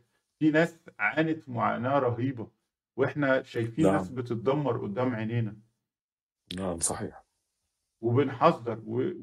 والله يعني النصيحه اتجوز مسلمه طبيعي إنك يقول لك اتجوز أحسن من نفس ثقافتك ونفس بلدك بس حتى لو نعم. بره ثقافتك وبره بلدك مسلمة ويفضل نفس اللغة ومسلمة ملتزمة من أسرة مسلمة أصلا. بكل تأكيد. نعم يا أخي. نعم. بس ف يعني نعم. يعني مش عارف أقول إيه تاني للناس بس هو ده اللي الواحد قادر يقوله. يعني وهم بقى يعني أحرار وإحنا هنحاول بعد كده ننصح اللي وقعوا في ال- في الموضوع. يعني هنبدأ ن- نعمل كده كام نقطة واضحة ومباشرة مثلا الفيديو يبقى بس عشر دقايق ربع ساعة عن نقطة معينة إيه المفروض يعمل فيها وإزاي يأمن نفسه. بس النقطة أكبر نقطة أكبر نقطة جدا جدا لأي واحد اتجوز أي واحدة أوروبية ولسه ما خلفش اوعى تخلف. ما تخلفش منها. ترجع تندم وتضرب نفسك بالجزم. وممكن توصل في ناس وصلت لمرحلة إنها قربت على الانتحار بسبب ضياع عيالها منها. والعياذ بالله. نعم صحيح. لو متجوز ما تتجوزش أجنبية فرضا إنك اتجوزت ما تخلفش منها. نهائي. والله يا أخي والله يا أخي آه، بصراحة الأطفال حرام حرام آه، إنهم ي- يعيشوا في في في هاي الدول وينشئوا بين هاي المجتمعات للأسف. بغض النظر كانوا أطفال من زوجتك العربية أم عيالك أو إلى آخره. مش كارثة لأنه يعني. يا أخي والله لسه هعمل هعمل تسجيلات عن موضوع أخذ العيال نفسهم من أهاليهم بقى. دي قصة تانية كبيرة. والله العظيم الواحد ما عارف يقول إيه ده. ده قصة تانية. تخيل بقى مثلا لو الألمانية مثلا دي أوروبية يا سيدي ماتت وعيالك معاك وقام بعديها اليو فرجعوا لك عيالك فقام بعديها اليوجنت أمت قام خد عيالك منك. يا للمهزلة وراح سكنهم مع أسرة ألمانية شاذة ولا كافرة ولا أو في وحتى يعني قبل موضوع آه، سحب الأطفال وإلى آخره نشأة نشأة الطفل حتى يعني بالمجتمع يعني آم، ن- ينشأ بمجتمع وبيئة سامة للأسف يعني. جدا جدا. وبعدين يعني أكتر من إن أنا يعني عملنا التسجيل عن عن تعليم الجنس من الحضانة يا جماعة. يعني في إيه تاني أكتر من كده يتقال؟ بيحطوا صور جنسية في الحضانة. أنت في كتب في كتب بتاع تعليم الجنس في الحضانة انت ك كراجل ما ترضاش توريها لأختك ولا أمك اللي كبرت في السن. فتخيل لما طفل يبقى تحت الست سنين وخمس سنين يشوف حاجة زي كده. نقول إيه بس؟ يعني الواحد يعني مش عارف يقول إيه. فعليا. مشكلة. يلا الحمد فعلا لله. الحمد لله الحمد لله. على كل حال خلينا نختم. إن شاء الله نختم. أنا كنت عملت آه، للناس اللي عندهم أطفال في الحضانات في ألمانيا برضو إيميل إزاي يكتبوا إيميل عشان يحاولوا يمنعوا تعليم الجنس لاطفالهم في الحضانة.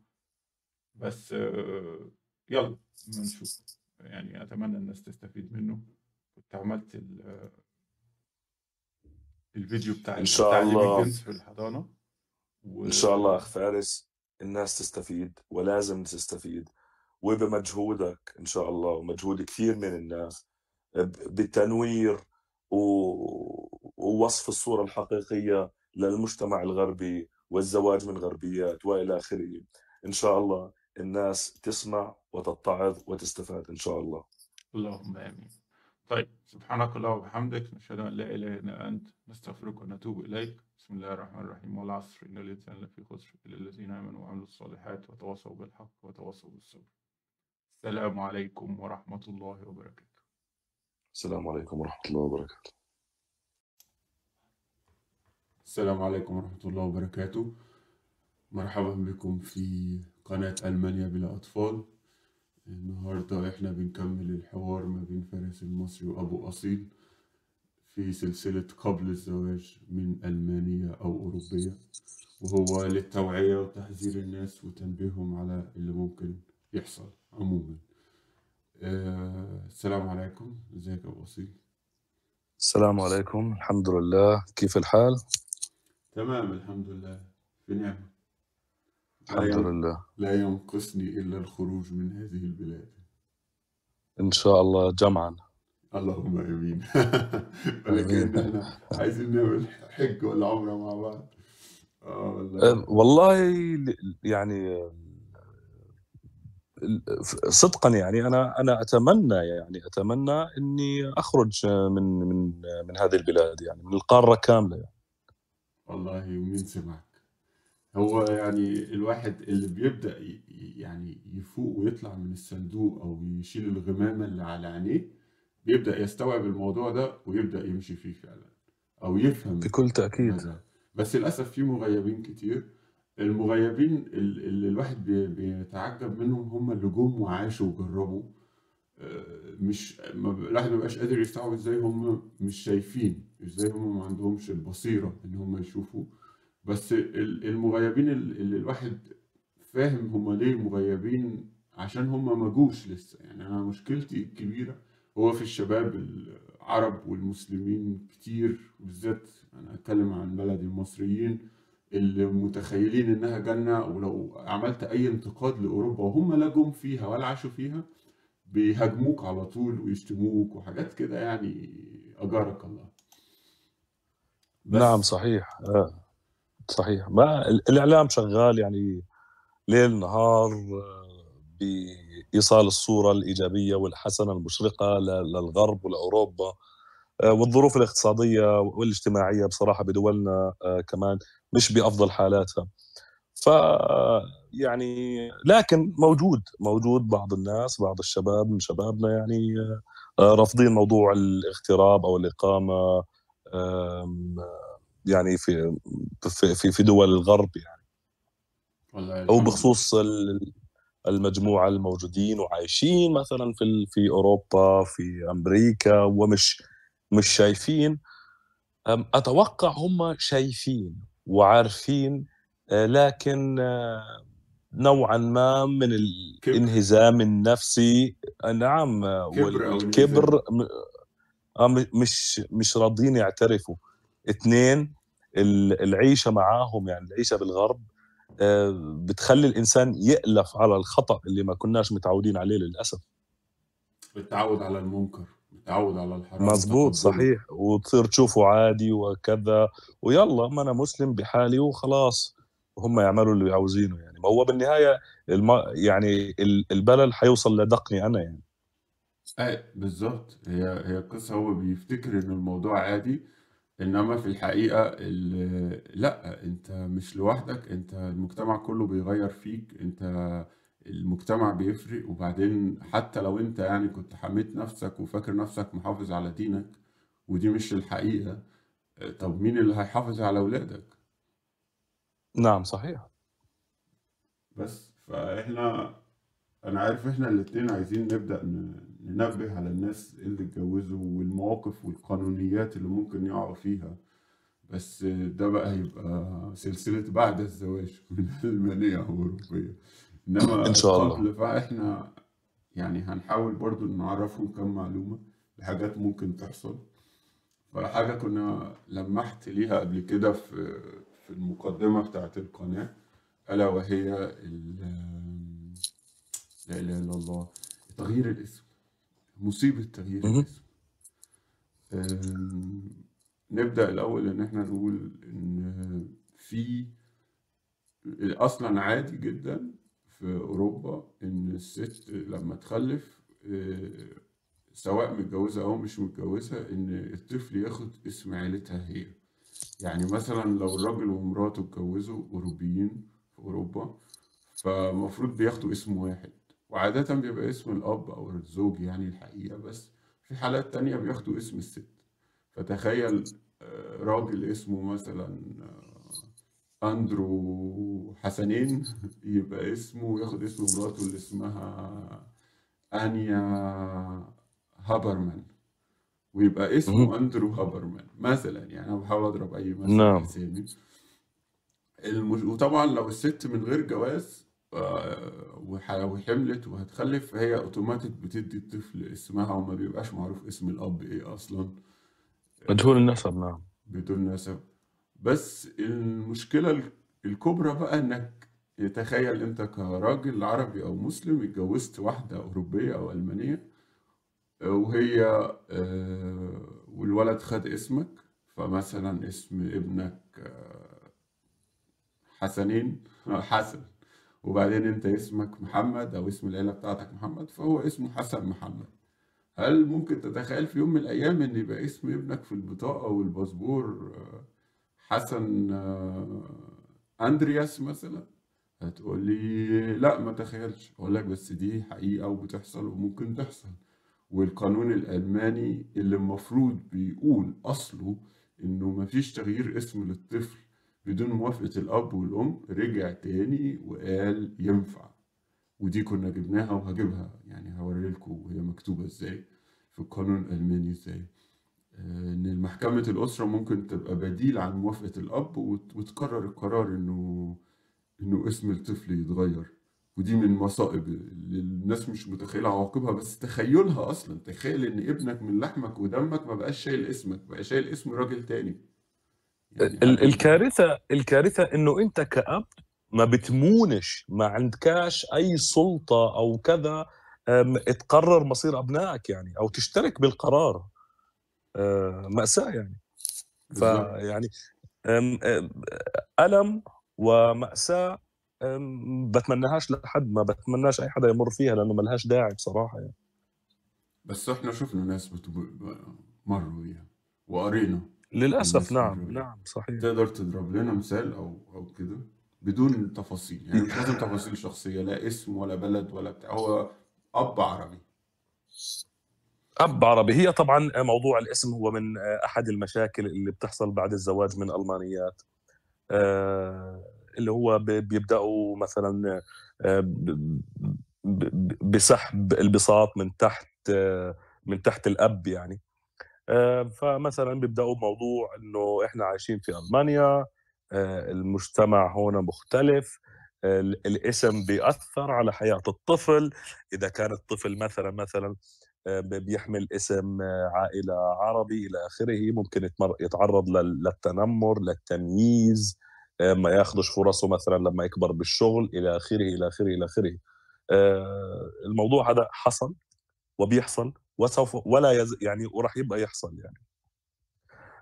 للأسف هو لما يقولوا زي هيك هذا تناقض يعني بالقيم اللي هم آه، ليل نهار آه، رافعين شعاراتها إنه إحنا ما عندناش تمييز. الكل بياخذ فرصته بغض النظر عن الشكل اللون العرق الاسم الديانة إلى آخره إلى آخره إلى آخره. آه، طبعا آه، مثال وأخ عربي آه، متزوج كان ألمانية وعنده بنت طبعا كالعادة والنتيجة المعروفة حصل الانفصال. الأم وبنتها راحوا سكنوا في مدينة قريبه يعني والأب سكن في مكان شوي قريب عليهم. البنت عاشت فترة يعني مع أمها آه، طبعا خلال الفترة هاي بيتم تغريب الطفل عن أبوه ليل نهار آم، غسيل مخ للطفل أبوك مش كويس أبوك ما بشوفكاش أبوك ما بحبكاش أبوك أبوك أبوك إلى آخره. وما بيقدروش عمر الطفل والضغط النفسي والتأثير السلبي على الطفل وعلى حياته لما آه، يسمع آه، هذه الأسطوانة يعني آه، على مدار الساعة. آه، طبعا الأم الألمانية كالعادة بتصاحب بتتزوج بعدين آه، وبيجي ال- ال- الزوج الألماني ومبسوط على حاله وبيقول يا سلام أنا حتبنى الطفل هاي وحساعدك بتربيتها إلى آخره إلى آخره.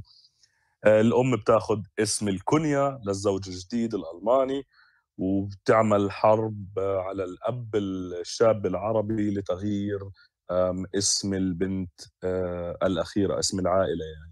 وللعلم يعني آه، تقريبا تقريبا الرابط الوحيد هو الاسم يعني هو الاسم بين هذا الطفل اللي نصه عربي ونصه ألماني يعني ال- الاسم بصراحة يعني بما إنه بينشأ في بيت ألماني بيتعلم ألماني بيأكل ألماني كله كله كل حاجة بالألماني ف يعني تخيلوا لما اسمه ال- الأخير يروح منه يعني انتهى الموضوع صحيح آه، هو ده طبعاً. الحاجة الوحيدة اللي فاضلة يعني هو ما بيبقاش فاضل له نعم. حاجة تاني أكيد. آه، وحتى هاي بيسحبوها يعني حتى هاي بياخدوها ما بيخلوش لأي أي شيء ما بيخل للزوج الأجنبي. يعني بيمسحوه فعليا ديليت كامل آه، من من حياة ابنه يعني أو بنته أو أطفاله على العموم. آه، طبعا دخلوا في موضوع اللي هو نغير الاسم بالبداية الاب رافض قانونا قانونا لازم موافقة الأب والأم لكن آه، أو إذا الطفل وصل لعمر ال 18 سنة بغيره لوحده غيروها غيروها. غيروها من كمان. من خمسة. لا ص- تخيل الطفل يقدر خم- يقرر من خمس أعوام تخيل يعني مثلا.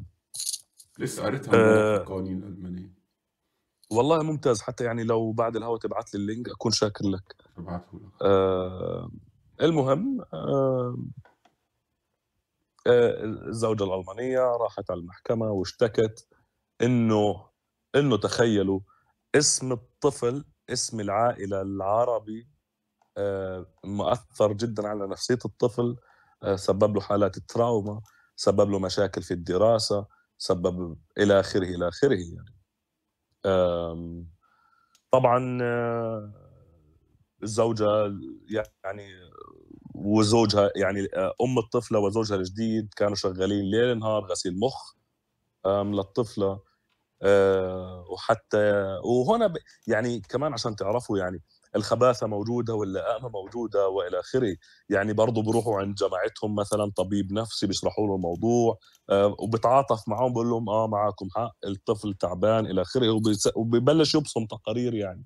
الطفل حالته النفسيه سيئة وتعبانة لأنه اسمه آه، مش ألماني. آه، وإلى آخره. وراحوا على المحكمة. آه، والأب لا حول له ولا قوة يعني. الشاب العربي أبو الطفلة. آه، وهي نقطة لازم أشدد عليها يعني. آه، بغض النظر القانون بغض النظر العنصرية وبغض النظر يعني آه، 99.9 دائما المحاكم. بتروح لصالح ابن البلد أو بنت البلد المرأة الألمانية. لكن آه، آه، تستسلموش دائما حاولوا دائما تواصلوا مع محاميكم دائما آه، كونوا موجودين يعني أثبتوا وجودكم في حياة الطفل يعني بشكل قانوني كمان. طبعا يوم المحكمة أبو الطفلة البيولوجي راح للمحكمة القاضية موجودة. الطفلة موجودة الطفلة موجودة. آم، زوج الأم زوج أم الطفلة الجديد موجود. بالإضافة لممثل من مركز رعاية الشباب والطفولة اللي هو اليوجنسامت والتقارير الطبية اللي هو أنه البنت بتتعالج من تأثير السلبي المرعب لاسمها لاسم العائلة العربي آه، في حياتها يعني. أم، للأسف آه، ما نخشش بتفاصيل المحكمة كثير آه، لكن الأم أخذت اللي بدها إياه. آه، وتغير اسم الطفلة. معلش آه تفضل. بس في نقطتين مهمين قبل ما تكمل في ما تخش على النتيجة على طول. أنت قلت إن ال... في... ذكرت لي قبل كده إن ال- البنت اتسألت وهي قالت مش عارفة. يعني قالوا لها عايزة تغيري نعم. اسمك وهي دي نقطة مهمة. نعم. ال- القاضية آه، يعني أنا بروي كما وصلتني القصة من أبو الطفلة يعني. مم. آه، بتقول آه، سألت الطفلة أكثر من مرة يعني. أنت حابة تغيري اسمك؟ طبعا كان عمر الطفلة بحدود 14 سنة 13 سنة. الطفلة بين نارين. تقول آه بتزعل أبوها الحقيقي وبتقول لو لا قالت لا حتزعل أمها يعني. شوفوا كمية الضغط النفسي عليها. فكانت تقول مش عارفة يعني ما بعرفش. فهمت. آه، والنقطة التانية إن أنت إن هي سألت الأب كتير. سألت الأب كثير يعني آه، حابة تغير الاسم؟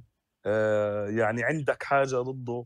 يعني كذا. طبعا أنا القصة هاي بحكيها يعني إذا حكيت التفاصيل بصراحة عشان ما حدش يستسلم ويرضخ يعني بصراحة يعني.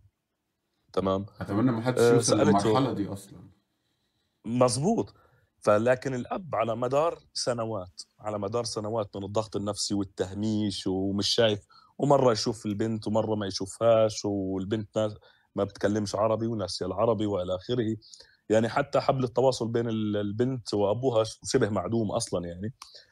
فالأب رضخ يعني وقال يعني إنه خلاص يعني أنا بدي أساعد على أساس يعني أنا بدي أساعد بنتي إذا الموضوع مأثر عليها نفسيا خلاص تغير ال- الاسم. ومع حتى مع تنازله آه، ممكن الناس تعتقد إنه علاقته في بنته صارت أحسن وإنه صار يشوف بنته أكثر لا. خلاص الب- البنت انتهت كامل من حياته يعني. لا إله إلا الله. ف لا إله إلا الله. بالضبط. آه، للأسف عصابة كاملة هون آه، يعني آه، بيفهموا بعض بيساعدوا بعض هون بغض النظر يعني يعني إذا كان الأب أجنبي بغض النظر عن جنسيته طبعا الجنسيات هون لما نحكي أجنبي طبقات برضه يعني في أجنبي أحسن من أجنبي لسه شوي. أجنبي أوروبي بيختلف عن أجنبي مثلا أفريقي بيختلف عن أجنبي شرق أوسطي عن أجنبي عربي عن أجنبي آسيوي إلى آخره إلى آخره. نعم. طبعا الدرجة يعني الأولى للأجانب الأوروبيين الغربيين. بكل تأكيد. نعم. فرنسا بكل ولا تأكيد. بلجيكا ولا هولندا مش زي حتى رومانيا ولا ولا نعم نعم بولندا صحيح. ولا نعم. طيب. فهاي من ضمن ال- ال- ال- ال- المشاكل اللي بتحصل بت- بتسبب يعني وجع قلب وألم آه، طويل الأمد يعني بصراحة يعني ما ما بزولش. ف ما فيش حاجة إيجابية من زواج الأجانب يعني. ما في نهائيا نهائيا. بس. مش هيفهموا كده. هو كل اللي في دماغه للأسف شباب كتير كل اللي في دماغه هو آه، هتسفرني بره أو آه، فلوس أو جنسية. يعني هم دول الثلاث حاجات وللأسف الثلاث حاجات دول هنبين إزاي هم بيبقى ضررهم أكتر من نفعهم في كبعد نقطة أو نقطتين. خليني بس أوري ال- إيه اللي الواحد ممكن يكتبه. أنا هفتح كده على قدام الناس عشان تبقى شايفين. إيه اللي الواحد ممكن يكتبه؟ آم، هو kann die Mutter die Kinder Name ändern ohne Väter zustimmen وده أنا كتبته في جوجل وبعدين مكتوب اهو Namensänderung beim Kind ohne Zustimmung des Vaters des Vaters ومكتوب انه ينفع يتغير بموافقة يعني باستبدال المحكمة لو إحنا جينا جينا وطبعا في اهي مقالات و... و... وما إلى ذلك. ومواقع بتتكلم عن الموضوع ده. إذا حاولنا نجيب الموضوع ترجمة الانجليزي اهو the family court may substitute the consent. ممكن هي تبقى بديل عن موافقة من الأب الآخر لو آه، دوت هيبقى في مصلحة الطفل. آه، ممكن هنا كمان أهو لو خدناه وحطيناه ترجمة مثلا.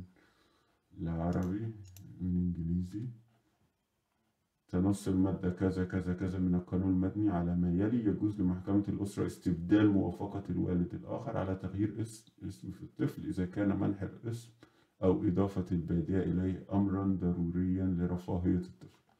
طيب آه، دي مقالات وفي واحد أنا بعتهولك منهم اللي هو بيتكلم عن إن الطفل لو عدى خمس سنين المفروض يتسأل هو كمان. طبعا دي ما فيش فيها نقاش إن ده أسهل حاجة يتم التلاعب بيها. الأم اللي معاها الطفل أو كده تقول له بابا مصلحتك وعشان خاطري وغير الاسم وبتاع. فهو إيه لو في محكمة هيقول آه.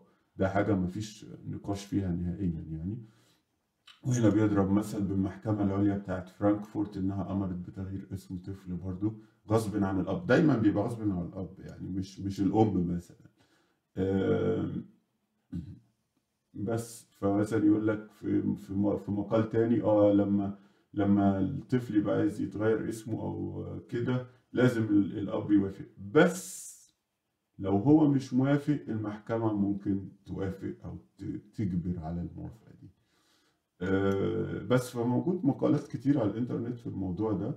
وطبعا ال- القصة بتاعت رفاهية الطفل دي أو أو كده يعني زي ما قلنا قبل كده التلاعب بيها سهل جدا. يعني يكفي إنه يقول أصل هو اسم عربي زي ما أنت قلت أو اسم مش ألماني أو اسم مش أوروبي فده مؤثر عليه في الدراسة ومؤثر عليه في المعرفش إيه أو حاجات كتير يعني. أو عشان يخبوا الطفل من من أبوه يعني إن هم آه، الطفل بي- بيبحث يقول يا جماعة أنا ابني الأم اختفت مثلا جوه ضواحي ألمانيا وأنا مش عارف أوصل لها فين اسمه كذا؟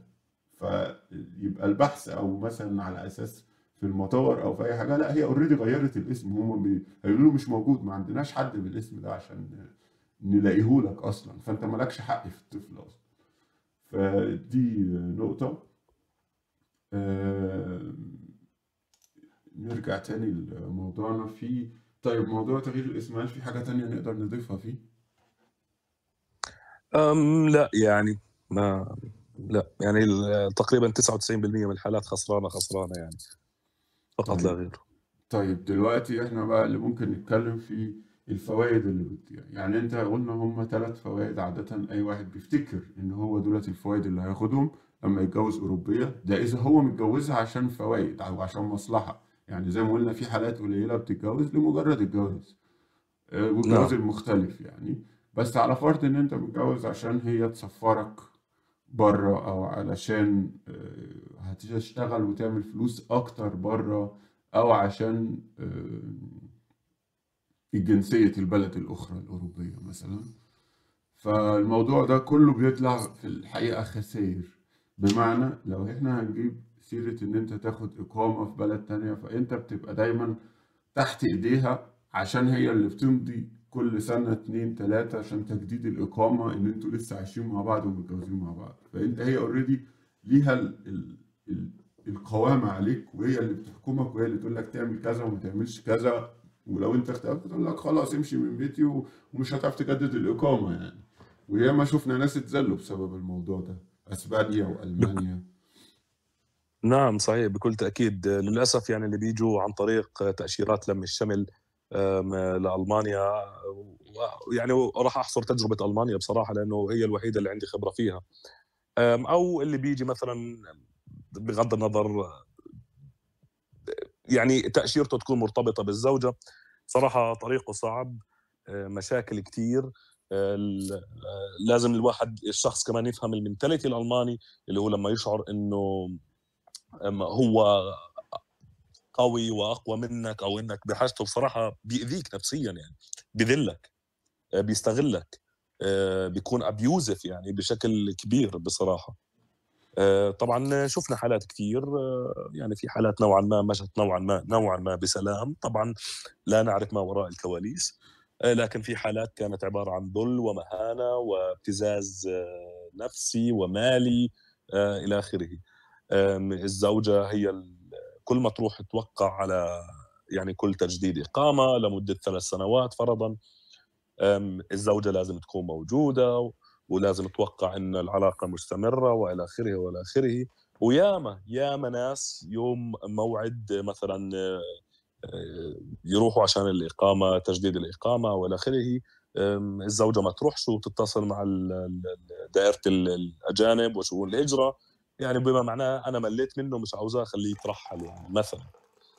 آه، طبعا هنا بفوت في دوامات. آه، طبعا أنا سافرت أنا خسرت أنا أجيت أنا ببني حياة من أول وجديد. آه، يعني مش فاهم يعني. لنشبه الموضوع بصراحة وهو نوعا ما أسوأ أسوأ من موضوع لنحكي الكفيل مثلا بالخليج مثلا. بالنهاية هناك في قانون يعني بالنهاية بصراحة. في في قاضي شرعي عنده ضمير يعني. لكن هون ما فيش ما في. ف وبالنهاية أصلا حتى لو كفيل فده بيقبضك فلوس كل شهر. يعني على الأقل بكل تأكيد. بتاخد منه فعلا حاجة يعني. صحيح. بتشتغل وبتقبض فلوس. إنما هنا هي ما بتعملش أي حاجة غير إن هي عشان دي جنسيتها ودي بلدها. فهي بتتحكم نعم. بال... بالطريقة دي. بس. يعني لو هنتكلم. بكل صراحة فدي نقطة دي نقطة مهمة جدا آه، هي كل ما كل قوتها عليك بس إن هي جنسيتها جنسية أوروبية في طبعا وللأسف يعني للأسف يعني مثلا في قانون وفي على أساس حقوق وعدل وإلى آخره لكن كله حبر على ورق يا إخوان حبر على ورق. وأنت كعربي كمسلم أنت هون دائما بنظروا لك نظرة سسبشس إنه في ارتياب منك. أنت عنيف أنت لص أنت جاي تعيش عالة هون أنت متزوجها مصلحة أنت كذا كذا كذا كذا إلى آخره يعني. آه، يعني لا الزوجة بترحمك ولا المحيط بيرحمك يعني أصلا. وحتى لو حصل مشاكل ورحت المحكمة انت دايما في الموقف الاضعف انت اللي جاي لنا بلدنا. انت اللي عايز مننا حاجة. انت اللي جاي عشان مصلحة. نعم بكل تأكيد.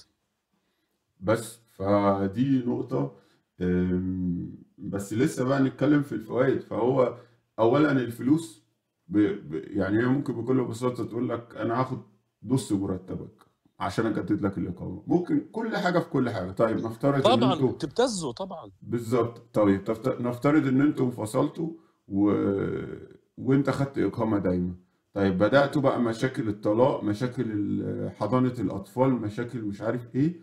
آه، تكاليف مادية رهيبة ألافات ألافات مؤلفة.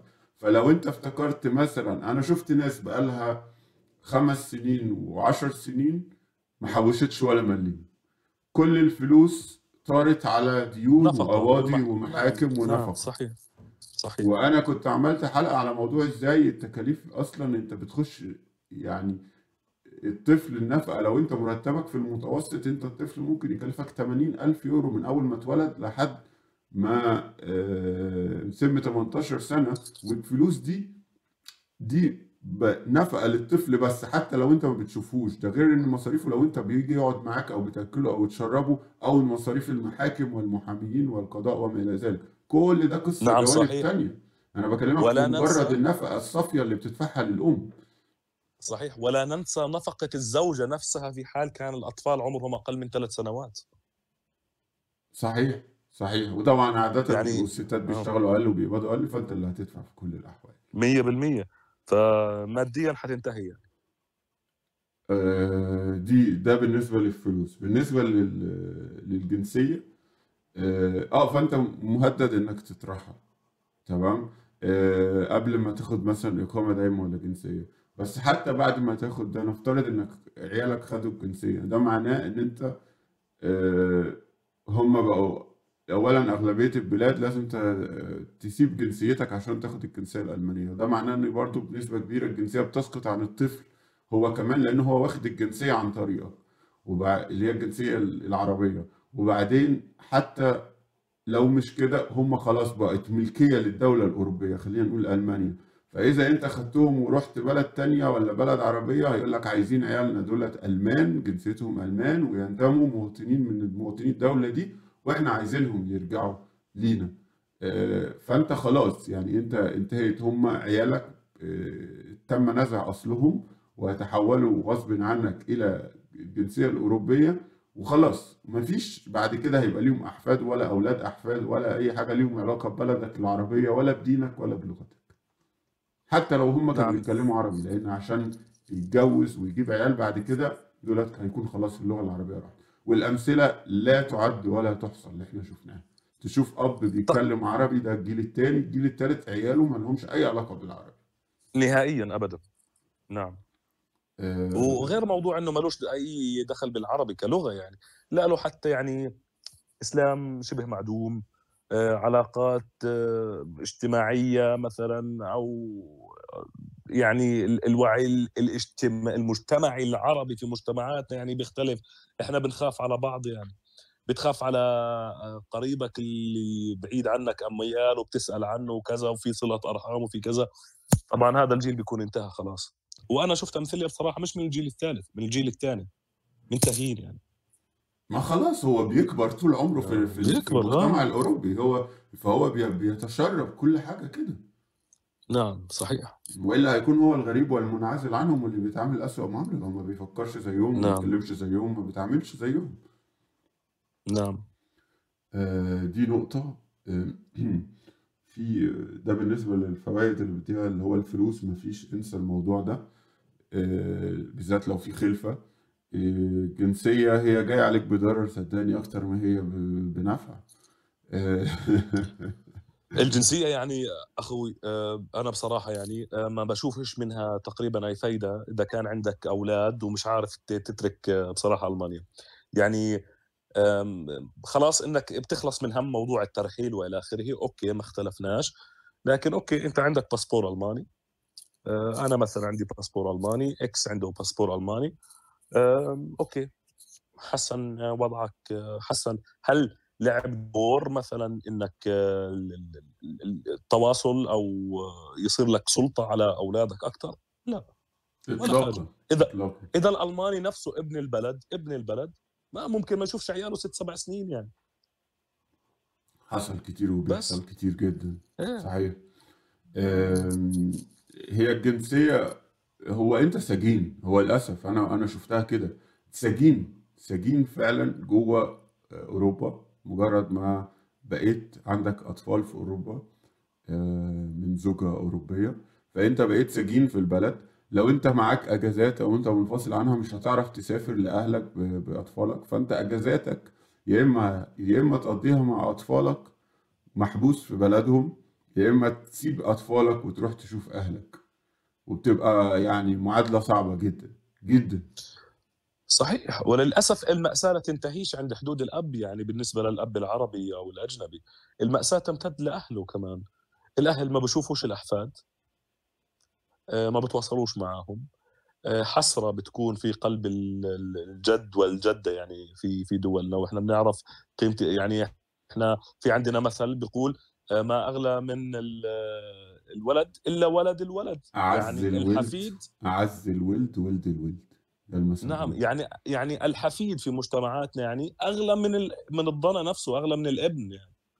فلك أن صحيح. تتخيل يا أستاذي مأساة أمك وأبوك اللي أنت عاوز تيجي على ألمانيا وتتزوج ألمانية وتخلف ألمانية وممكن آه، تدعيها للإسلام آه، مفكر هيك في راسك. آه، تخيل أنت المأساة اللي بتمتد وبتنتشر أبعد من حدود بيتك يعني بتروح عند أمك أبوك آه، واخوانك أهلك كذا كذا إلى آخره. الأعمام والخلان آه وكل طبعا العائلة. طبعا. كل العائلة للأسف يعني. لا إله إلا الله العظيم. محمد رسول الله. يعني أنا بتمنى يعني بتمنى من الحوار أتمنى إنه يكون يعني يفتح شوي يشيل ال- ال- الغباش الموجود عند آه، شبابنا يعني. بتمنى. لأنه أنت يعني داخل في ديل خسران صفقة خسرانة نهائيا يعني. حتخسر كثير أشياء غير المادة حتخسر تنهز نفسيا تتعب نفسيا وممكن جسديا يطور الموضوع عندك آه، يعني صحتك تتأثر آه، أطفالك يروحوا آه، تدخل بصدمات عاطفية ما لهاش داعي تدخل ممكن يتم ابتزازك نفسيا وماديا إلى آخره. يعني والله ما فيش داعي منه يعني. ما في داعي يعني. بس. يعني الواحد مش عارف يشرح لهم إزاي يعني هو بس الواحد بيحاول ونتمنى إن الناس تضيع من وقتها شوية تستفيد وتسمع الكلام. آه، أدينا بنسجل ونحاول نعمل اللي علينا.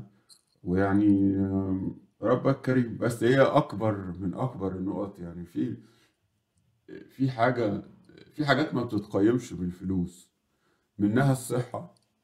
ومنها آه، العمر. يعني العمر عمره ما بيرجع. إذا أنت آه، معاك فلوس وضيعتها ممكن تعمل فلوس تاني. بس إذا أنت العمر جري منك فعمرك ما هتعرف ترجع الشباب ولا العمر ده تاني ولا أي ابدا ضاعت. نهائيا. نهائيا. هي دي وال... بقى. للأسف للأسف. العمر بيضيع. بيضيع في و... أوروبا خلاص وأنا اجيت بأفضل آه والله ما شفت حدا يعني طبعا أغلب شبابنا بيجوا شباب يعني آه، ب- بأوج طاقته يعني. آه، مثلا ممكن أحيانا يكون عمره 25 26 بيدخل 32 بيكون أقسم بالله انتهى. بشوفهم يعني. صحيح. للأسف يعني بتحسهم طفى طاقته راحت خلاص يعني. ف لعله خير. أنا أنا أنا جيت في أواخر 2016 والله نزلت في 2018 آه، مصر اتصورت مع أصحابي وبتاع وقرايبي صورة. أنا شفت الصورة وأنا حسيت إن أنا معرفتش نفسي.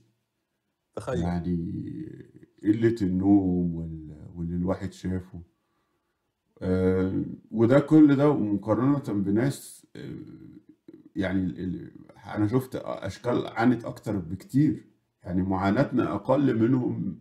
يعني الحمد لله الواحد يعني في وقف على رجله في حاجات عرف ي- يتواجه مع النظام الأوروبي في حاجات. بس بصعوبة شديدة وبضياع من الطاقة النفسية والمعنوية والجسدية بطريقة رهيبة يعني. نعم صحيح. للأسف. للأسف. فالناس هيضيع يعني حرفيا هيضيع كل حاجة هيضيع كل حاجة. في ناس آه نعم. متخيل يقول لك أنا هاخد باسبور الجنسية دي وبعدين أروح أشتغل في بلد تانية. والله أنا مش يعني بغض النظر إذا دي فيها حاجة إيجابية طول ما أنت ما خلفتش هي أفضل من ماشي لو كنت ممكن خلفت صحيح صحيح. طول ما بس أنت ما أنت هتتحكم خلفتش في لسه نعم. يعني أنت آه المفروض إنك تعرف تتحكم بس للأسف آم، لو أنت متجوز أوروبية أو عربية أو متجوز أي واحدة هي ربنا خلقها فيها غريزة. هي هتحاول بكل الطرق بكل الطرق نعم إنها صحيح ت... ربنا خلقها كده. هو خلقهم فيهم طبع الأمومة. 99% نعم. من النساء عايزة تبقى عندها أطفال وتبقى أم. فهتعمل كل صحيح. ما يعني مهما وصل خيالك مش هيوصل. أكتر في قصة آه، يعني هي هي أصلا كل القصص من الناحية الغربية بتبقى قصص قذرة جدا. آه، بس هي مثال إن هو آه، يعني في في مثل أو اتنين يعني. مثل من المعروفين إن هي تقوم تخرم الواقي الذكري بدبوس عشان تحمل. في في بقى مثل أصعب بكتير جدا عن واحد لاعب كرة سلة كرة ولا في أمريكا ولاعبي كرة السلة آه، مشهورين إن هما بيبقى معاهم فلوس يعني بيعملوا فلوس كتيرة وبيكسبوا ورياضة يعني محبوبة ومشهورة هناك. ف فهو بعد سنين آه، واحدة قالت له ده طفلك وأنا عايزة نفقة فهو قال إزاي يعني؟ عمري يعني ما مارست بدون أنا للأسف هخش في تفاصيل قذرة شوية. عمري ما مارست بدون واقي ذكري فاللي هي بعد ما هو استعمل وخلص ال- الواقي الذكري هي ما تعرفش إزاي عملت خدت من حيواناته ومن الواقي بتاعه وحملت نفسها. وده ممكن يعني ده ممكن يحصل. على فللاسف لما هو عملوا تحليل عملوا تحليل الدي ان إيه ليه آه لقوا الطفل طفله وبقى بيدفع آلافات مؤلفة عشان الطفل ده. فيعني الموضوع ده ده مثال بس كده يعني متطرف. بس حبينا نقول للناس عشان يبقى عندها فكرة إيه الدرجة من الدرجات اللي ممكن الستات توصل لها عشان الموضوع ده. نعم صحيح. هو على العموم كمان يعني قدر الله آه، وخلاص يعني آه، ربنا خلاص الطفل هذا مكتوب له ينولد مكتوب له يجي. آه، انتهى صحيح الموضوع. لكن يا شباب نعم قدر الله كله خير يعني. بس هو القصة إن الواحد لازم يتعلم ويقرأ ويفهم وياخد خبرات بدل قبل ما يوقع نفسه في حاجة مؤذية ليه. زي ما مفهوم إن أنت التدخين ضار بالصحة شرب الخمور أخذ المخدرات كل نعم. ده يضرك صحيا. أنت عارف ده بس هل أنت مش عارف بقى مدى الأضرار من إنك يبقى عندك طفل ومحروم منه أو عندك طفل وبيتم نزع أصولك كاملة منه سواء دينك لغتك آه، من الجذور كامل. لو فيهم يغيروا ال DNA لو يغيروا والله يغيروه. سلسلة ال DNA والله لا يغيروها. عشان بس يبقى لونه أبيض زيهم. نعم. صحيح. طيب. وللاسف في عندي في عندي نقطة يعني. م. الأولاد اللي آه، بيكبروا بزواج مختلط. بالغالبا غالبا بينشأوا وحتى مش بشرط بزواج مختلط يعني في مثال وهو لشخص قريب يعني اجمالا الأطفال اللي بيكبروا في ألمانيا أو في أوروبا بشكل عام يعني. آه، لكن بالزواج المختلط بتكون الحالة يعني مستشرية أكثر عندهم اللي لاحظته عنده مشكلة بالهوية. آه طبعا. مشكلة بالهوية بشكل يعني ممكن هو يفتكر إنه بتعامل ألماني ولما يكبر هو مثل الألمان لكن برضه لسه المجتمع ما بيعاملوش ألماني لملامحه إيه؟ يعني طبعا. يعني مثلا ده ما يحصلش مثلا ده ما يحصلش في الدول العربية بنسبة كبيرة جدا. ابدا ابدا. بيتقبلوك بس لمجرد إنك بتتكلم زيهم أو صحيح. بتتكلم عربي بيتقبلوك. أو بتتكلم أو آم، أو إيه تاني؟ أو إن أنت مسلم. هيتم نعم تقبلك. نعم. صحيح. نعم. آه، خلينا آه، ثانية واحدة. هضرب مثل تاني. لا إله إلا الله. في انت كان في آه، دوت آه، تصويت معمول على جروب بتاع عشان إحنا بنقول إنه حتى الآباء الأوروبيين والألمان بيعانوا محدش بيصدق عشان ما يفتكروش الموضوع بس للعرب والمسلمين تاني الجروب نعم. هي بتاع أنا حط هحطه دلوقتي أهو على الشاشة بتاع آه، آه، آباء بلا حقوق. ده ألماني يعني ألماني بكل الأشكال والألوان. ودوت سؤال بيقول لماذا يعاني الكثير من الآباء في ألمانيا؟ وحتى الآن 197 واحد عملوا تصويت عليه. وادي الأسباب في بسبب انحياز محكمة الأسرة واليوجنت أمت وناس كتيرة صوتت لل... لده. 47 واحد صوتوا. وبعدين 99% من المسؤولين في دو في في اليوجنز أمت اللي هو مركز رعايه الشباب آه، بخصوص محامين الأطفال اللي بتعينهم المحكمة بخصوص القضاء إلى آخره. 99% هم بنات إناث يعني. صحيح. ستات تس... نساء فيعني إنها تتعاطف هياخد مستحيل. صف هتاخد صف ست على طول والستات بتعرف تت- هتاخد ابدا. التعاطف كويس دمعتين كلمتين صحيح. حزينين تلميحة وش حركة عين تعرف هما كده. آه، السبب التاني بسبب النسوية وإن الأمهات مقدسة. في برضو خد 17% 32 واحد صوتوا. آه، بعدين بيقول لك عشان في ألمانيا الآباء ملهمش أي معنى أو قيمة غير آه، غير إن هما معطيين للمال. ودوت خد فقط. أعلى درجة تصويت وهو 32% 64 آه، تصويت. آه، ثانية واحدة. آه، لا إله إلا الله. طيب وبعدين أنا في كان تصويت اللي هو بسبب ال- الآباء آه، ضعفاء وجبناء. محدش صوت عليه طبعا محدش هيحب يهين في نفسه. الآباء في ألمانيا. نعم. وبعدين في عشان الآباء في ألمانيا ما عندهمش صوت. ودي نعم. صوت عليها 23 واحد 11% وبعدين في واحد ده في تصويت قال عشان آه، النفقة معمولة بطريقة آه، ظالمة كتير عالي قوي النفقة للطفل. ودي نقطة مهمة يعني هي دي ضافها واحد غير اللي عمل ال- التصويت نفسه يعني واحد مختلف. آه، ضافها آه، بي- بيقول السبب ده وده سبب حقيقي. وأنا كنت عارف الدماغ بتروح للفلوس طبعا. التانية آه، واحد عمل تصويت اللي هو بيقول عشان هم ما عندهمش معلومات كافية. مع- يعني ما, ما, ما توعوش ما عندهمش العلم كافي. وبعدين ديت أنا مش فاهمها قوي weil Richter weisungsgebunden Beschluss fass- fassen آه، مش عارف. آه، بس هي تقريبا ليها علاقة بالقضاء يعني. هم بي بي مش عارف. يعني بدون علم تقريبا ال- القضاء بي بيحكموا أو أو حاجة زي كده. وفي حاجة تانية عن نعم النظام التبادلي آه، إن هو الطفل يقعد ما بين الأب والأم وإنه السياسيين ما بيطبقوش الموضوع ده أو ما بيمشوش عليه. دي نقطة آه، التصويت اللي بقول لك عليه. في قصة تانية طلعت بسيطة جدا من واحد اسمه محسن الحاج. آه، مش عايز أطول في الحلقة بس هحاول أختصر. آم، بيقول أنا ما عمري ما شفت بنتي هي عايشة في ألمانيا مع أمها وأنا في المغرب.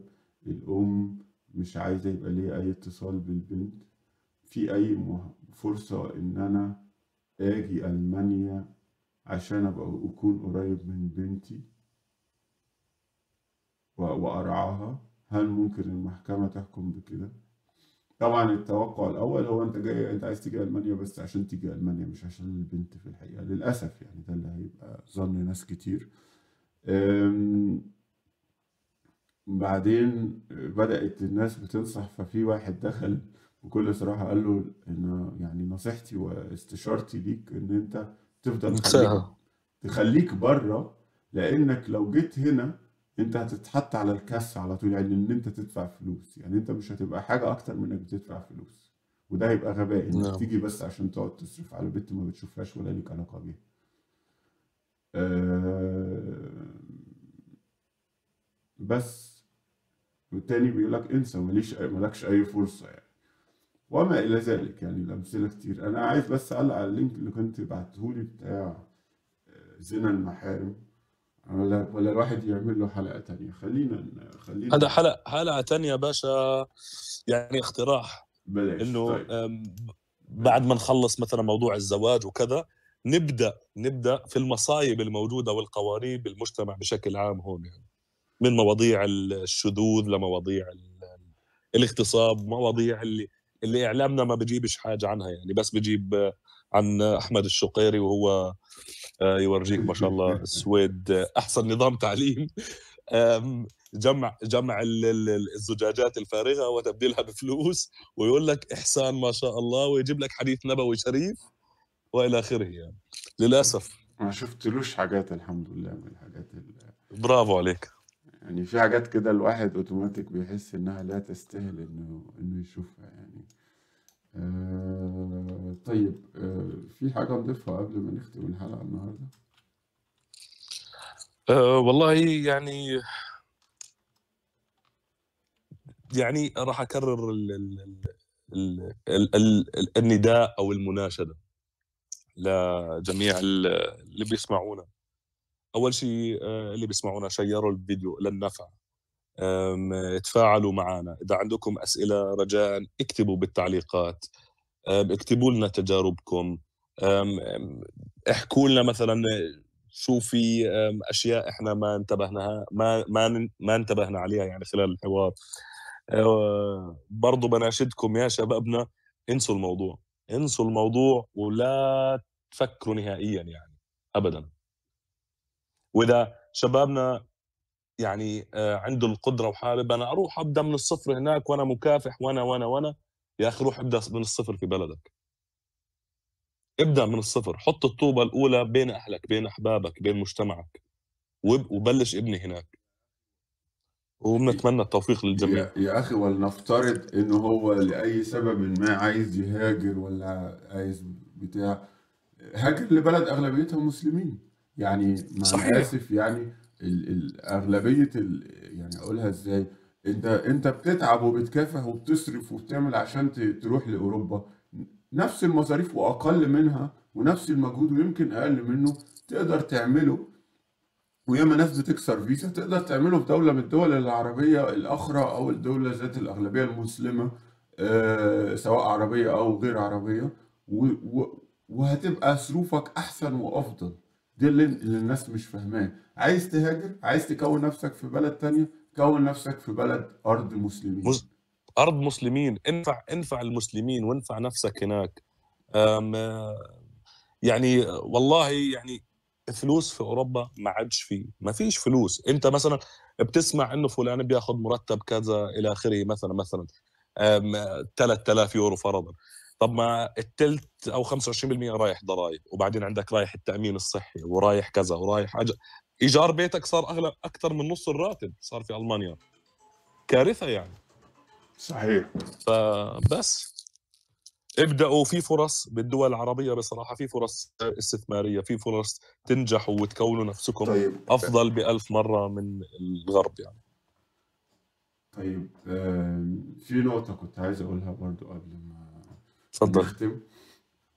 ألا وهي آم، إنه لو على فرضا واحد متجوز أوروبية وعايش في بلده وعايش في بلده ال- ال- العربية. لو هي حملت منه هو طبعا متخيل خلاص دي في بلدي وهي حملت مني. لا هي مجرد ما الأطفال خدوا الجنسية هي بما إنهم اتولدوا وهي أجنبية فهم هياخدوا اوتوماتيك آه، طلع طلعت لهم شهادة ميلاد أو حتى شهادة الميلاد العربية ترجمتها أو أو من السفارة وتوثقت أو شيء. خلاص بقى ليهم الجنسية الأوروبية وبقى ليهم ال آه، الباسبورات كمان. فهي مجرد ما في أي لحظة طلعت بيهم وهي مش عايزة ترجع مش هترجع. وراحوا عليك خلاص. ممكن تقول لك بأي شكل نعم. من الأشكال. يعني ممكن مثلا تقول لك أنا هروح أزور أهلي عشان يشوفهم جدهم وجدتهم وارجع, وأرجع كمان أسبوعين ثلاثة وانسى بالسنين مش هتشوفهم ولا هيرجعوا. ممكن تقول لك نعم، صحيح. كلنا سوا أصل الشغل هناك هنعمل فلوس أكتر ومش عارف إيه. فأنت تطمع وتسافر تقوم واخدة منك العيال وكمان تبقى بقى بتعاني عشان تثبت آه، إنك تعرف تكمل في بلد ما تعرفش لغتها مثلا أو ما تعرفش قوانينها ودنيتها. نعم. ممكن تنام تصحى تلاقيهم اختفوا وراحوا ورجعوا على أوروبا آه، يعني كمية الاحتمالات اللي عيالك حتى اللي اتولدوا في البلد العربية وهي مراتك كانت عايشة معاك وكله تمام إن هم يتاخدوا منك آه، فوق الخيال يعني فوق. فوق الخيال وبعدين لما تقول لك الأب والأم آه، اللي هي الجد والجدة الأوروبيين عايزين يشوفوا العيال قول لهم ي- قول لها يجوا ليه؟ لأن ييجوا نعم لأن صحيح. هم بسهولة جدا يجوا أي بلد عربية من غير ما ياخدوا فيزا حتى ولا يحتاجوا يقدموا في السفارة ويقعدوا شهر واثنين ثلاثة يستنوا. في حين أنت أهلك من الدولة العربية عشان ياخدوا فيزا الشنجن ولا كده هيقعدوا بالشهور ويدفعوا مبالغ قد كده وتكلفة قد كده عشان بس يجوا أسبوعين ثلاثة يشوفوا أحفادهم. إنما العكس صحيح هم ال ال الآباء الأوروبيين والأمهات الأوروبيين اللي هم يعني الأجداد الحما والحماة يقدروا يجوا يقعدوا بالشهور بدون بأقل التكاليف وبدون ما يحتاجوا يروحوا يقفوا في سفارات ويتذلوا عشان ياخدوا ويعملوا application ويملوا ويتاخد بصماتهم ويتاخد صورهم ال bio photo biometric photos وكل الأفلام الهندي دي بتقدم في مكتب وتدفع مصاريف مش عارف إيه باليورو ومصاريف إيه باليورو. كل الكلام ده مش محتاجين يعملوه الأوروبيين. فخلاص يجوا هم. إنما مجرد ما هتسيبهم يطلعوا بره لأوروبا بنسبة حاجة و90% مش هيرجعوا تاني. فده بقول لك حتى لو. أنت متجوز ومخلف في بلدك أوروبية. عشان بس للعلم يعني. نعم صحيح صحيح. يعني حتى اللي متزوج ومخلف من أوروبية في بلده آه، ممنوع الأطفال يسافروا. ممنوع. وانتهى الموضوع. اللي بده يشوف الأطفال أهلا وسهلا فيه. آه، يجي يشوف الأطفال في في محل ما هم موجودين. الأطفال يسافروا انسى الموضوع. لأنه لو الأدوار معكوسة وبأغلب الحالات الأدوار معكوسة آه، أنت حيتطبق عليك نفس الحاجة. تسافر مع أولادك لبلدك. ما فيش. أمك وأبوك ما يعرفوش يجوا لصعوبة الموضوع وارتفاع الأسعار والتأشيرة وإلى آخره. وبس يعني. و... تتزوجش حتى أوروبية داخل بلدك. تتزوج ما فيش داعي. ما في داعي. بنات مسلمات عفيفات موجودات آه، تز- تزوج منهم. وبصراحة آم، خطر في بالي حديث آه، والله أعلم هو حديث ضعيف لكن آه، أقوله يعني. تخيروا لنطفكم فإن العرق دساس. سمعت قبل كده. صحيح. نعم. آه، فخذ بنت ال- ال- ال- الأصل والمعروفة النسب والمسلمة والمؤمنة والمتربية والعفيفة في بلدك وما تغامرش بحياتك ب- وتفني أفضل سنين عمرك آه، ب- بأسى وحزن بزواج خاطئ للأسف أتمنى الناس تسمع أتمنى الناس تشارك أتمنى يا الناس رب. تبلغ بعض أتمنى إن الناس يعني يقولوا لكل اللي بيفكر يتجوز أوروبية ولا أجنبية ينبهوهم للكلام ده وربنا يحفظ الجميع. يا جماعة يا ريت اللهم تشاركوا تشيروا subscribe و like و... وخير إن شاء الله خير إن شاء الله. اللي عنده شاء أي الله. عايز. يقولها أهلا وسهلا. وجزاكم الله أهلا وسهلا بالجميع شكرا شكرا. وإياكم. السلام عليكم ورحمة الله وبركاته. السلام. السلام عليكم ورحمة الله وبركاته.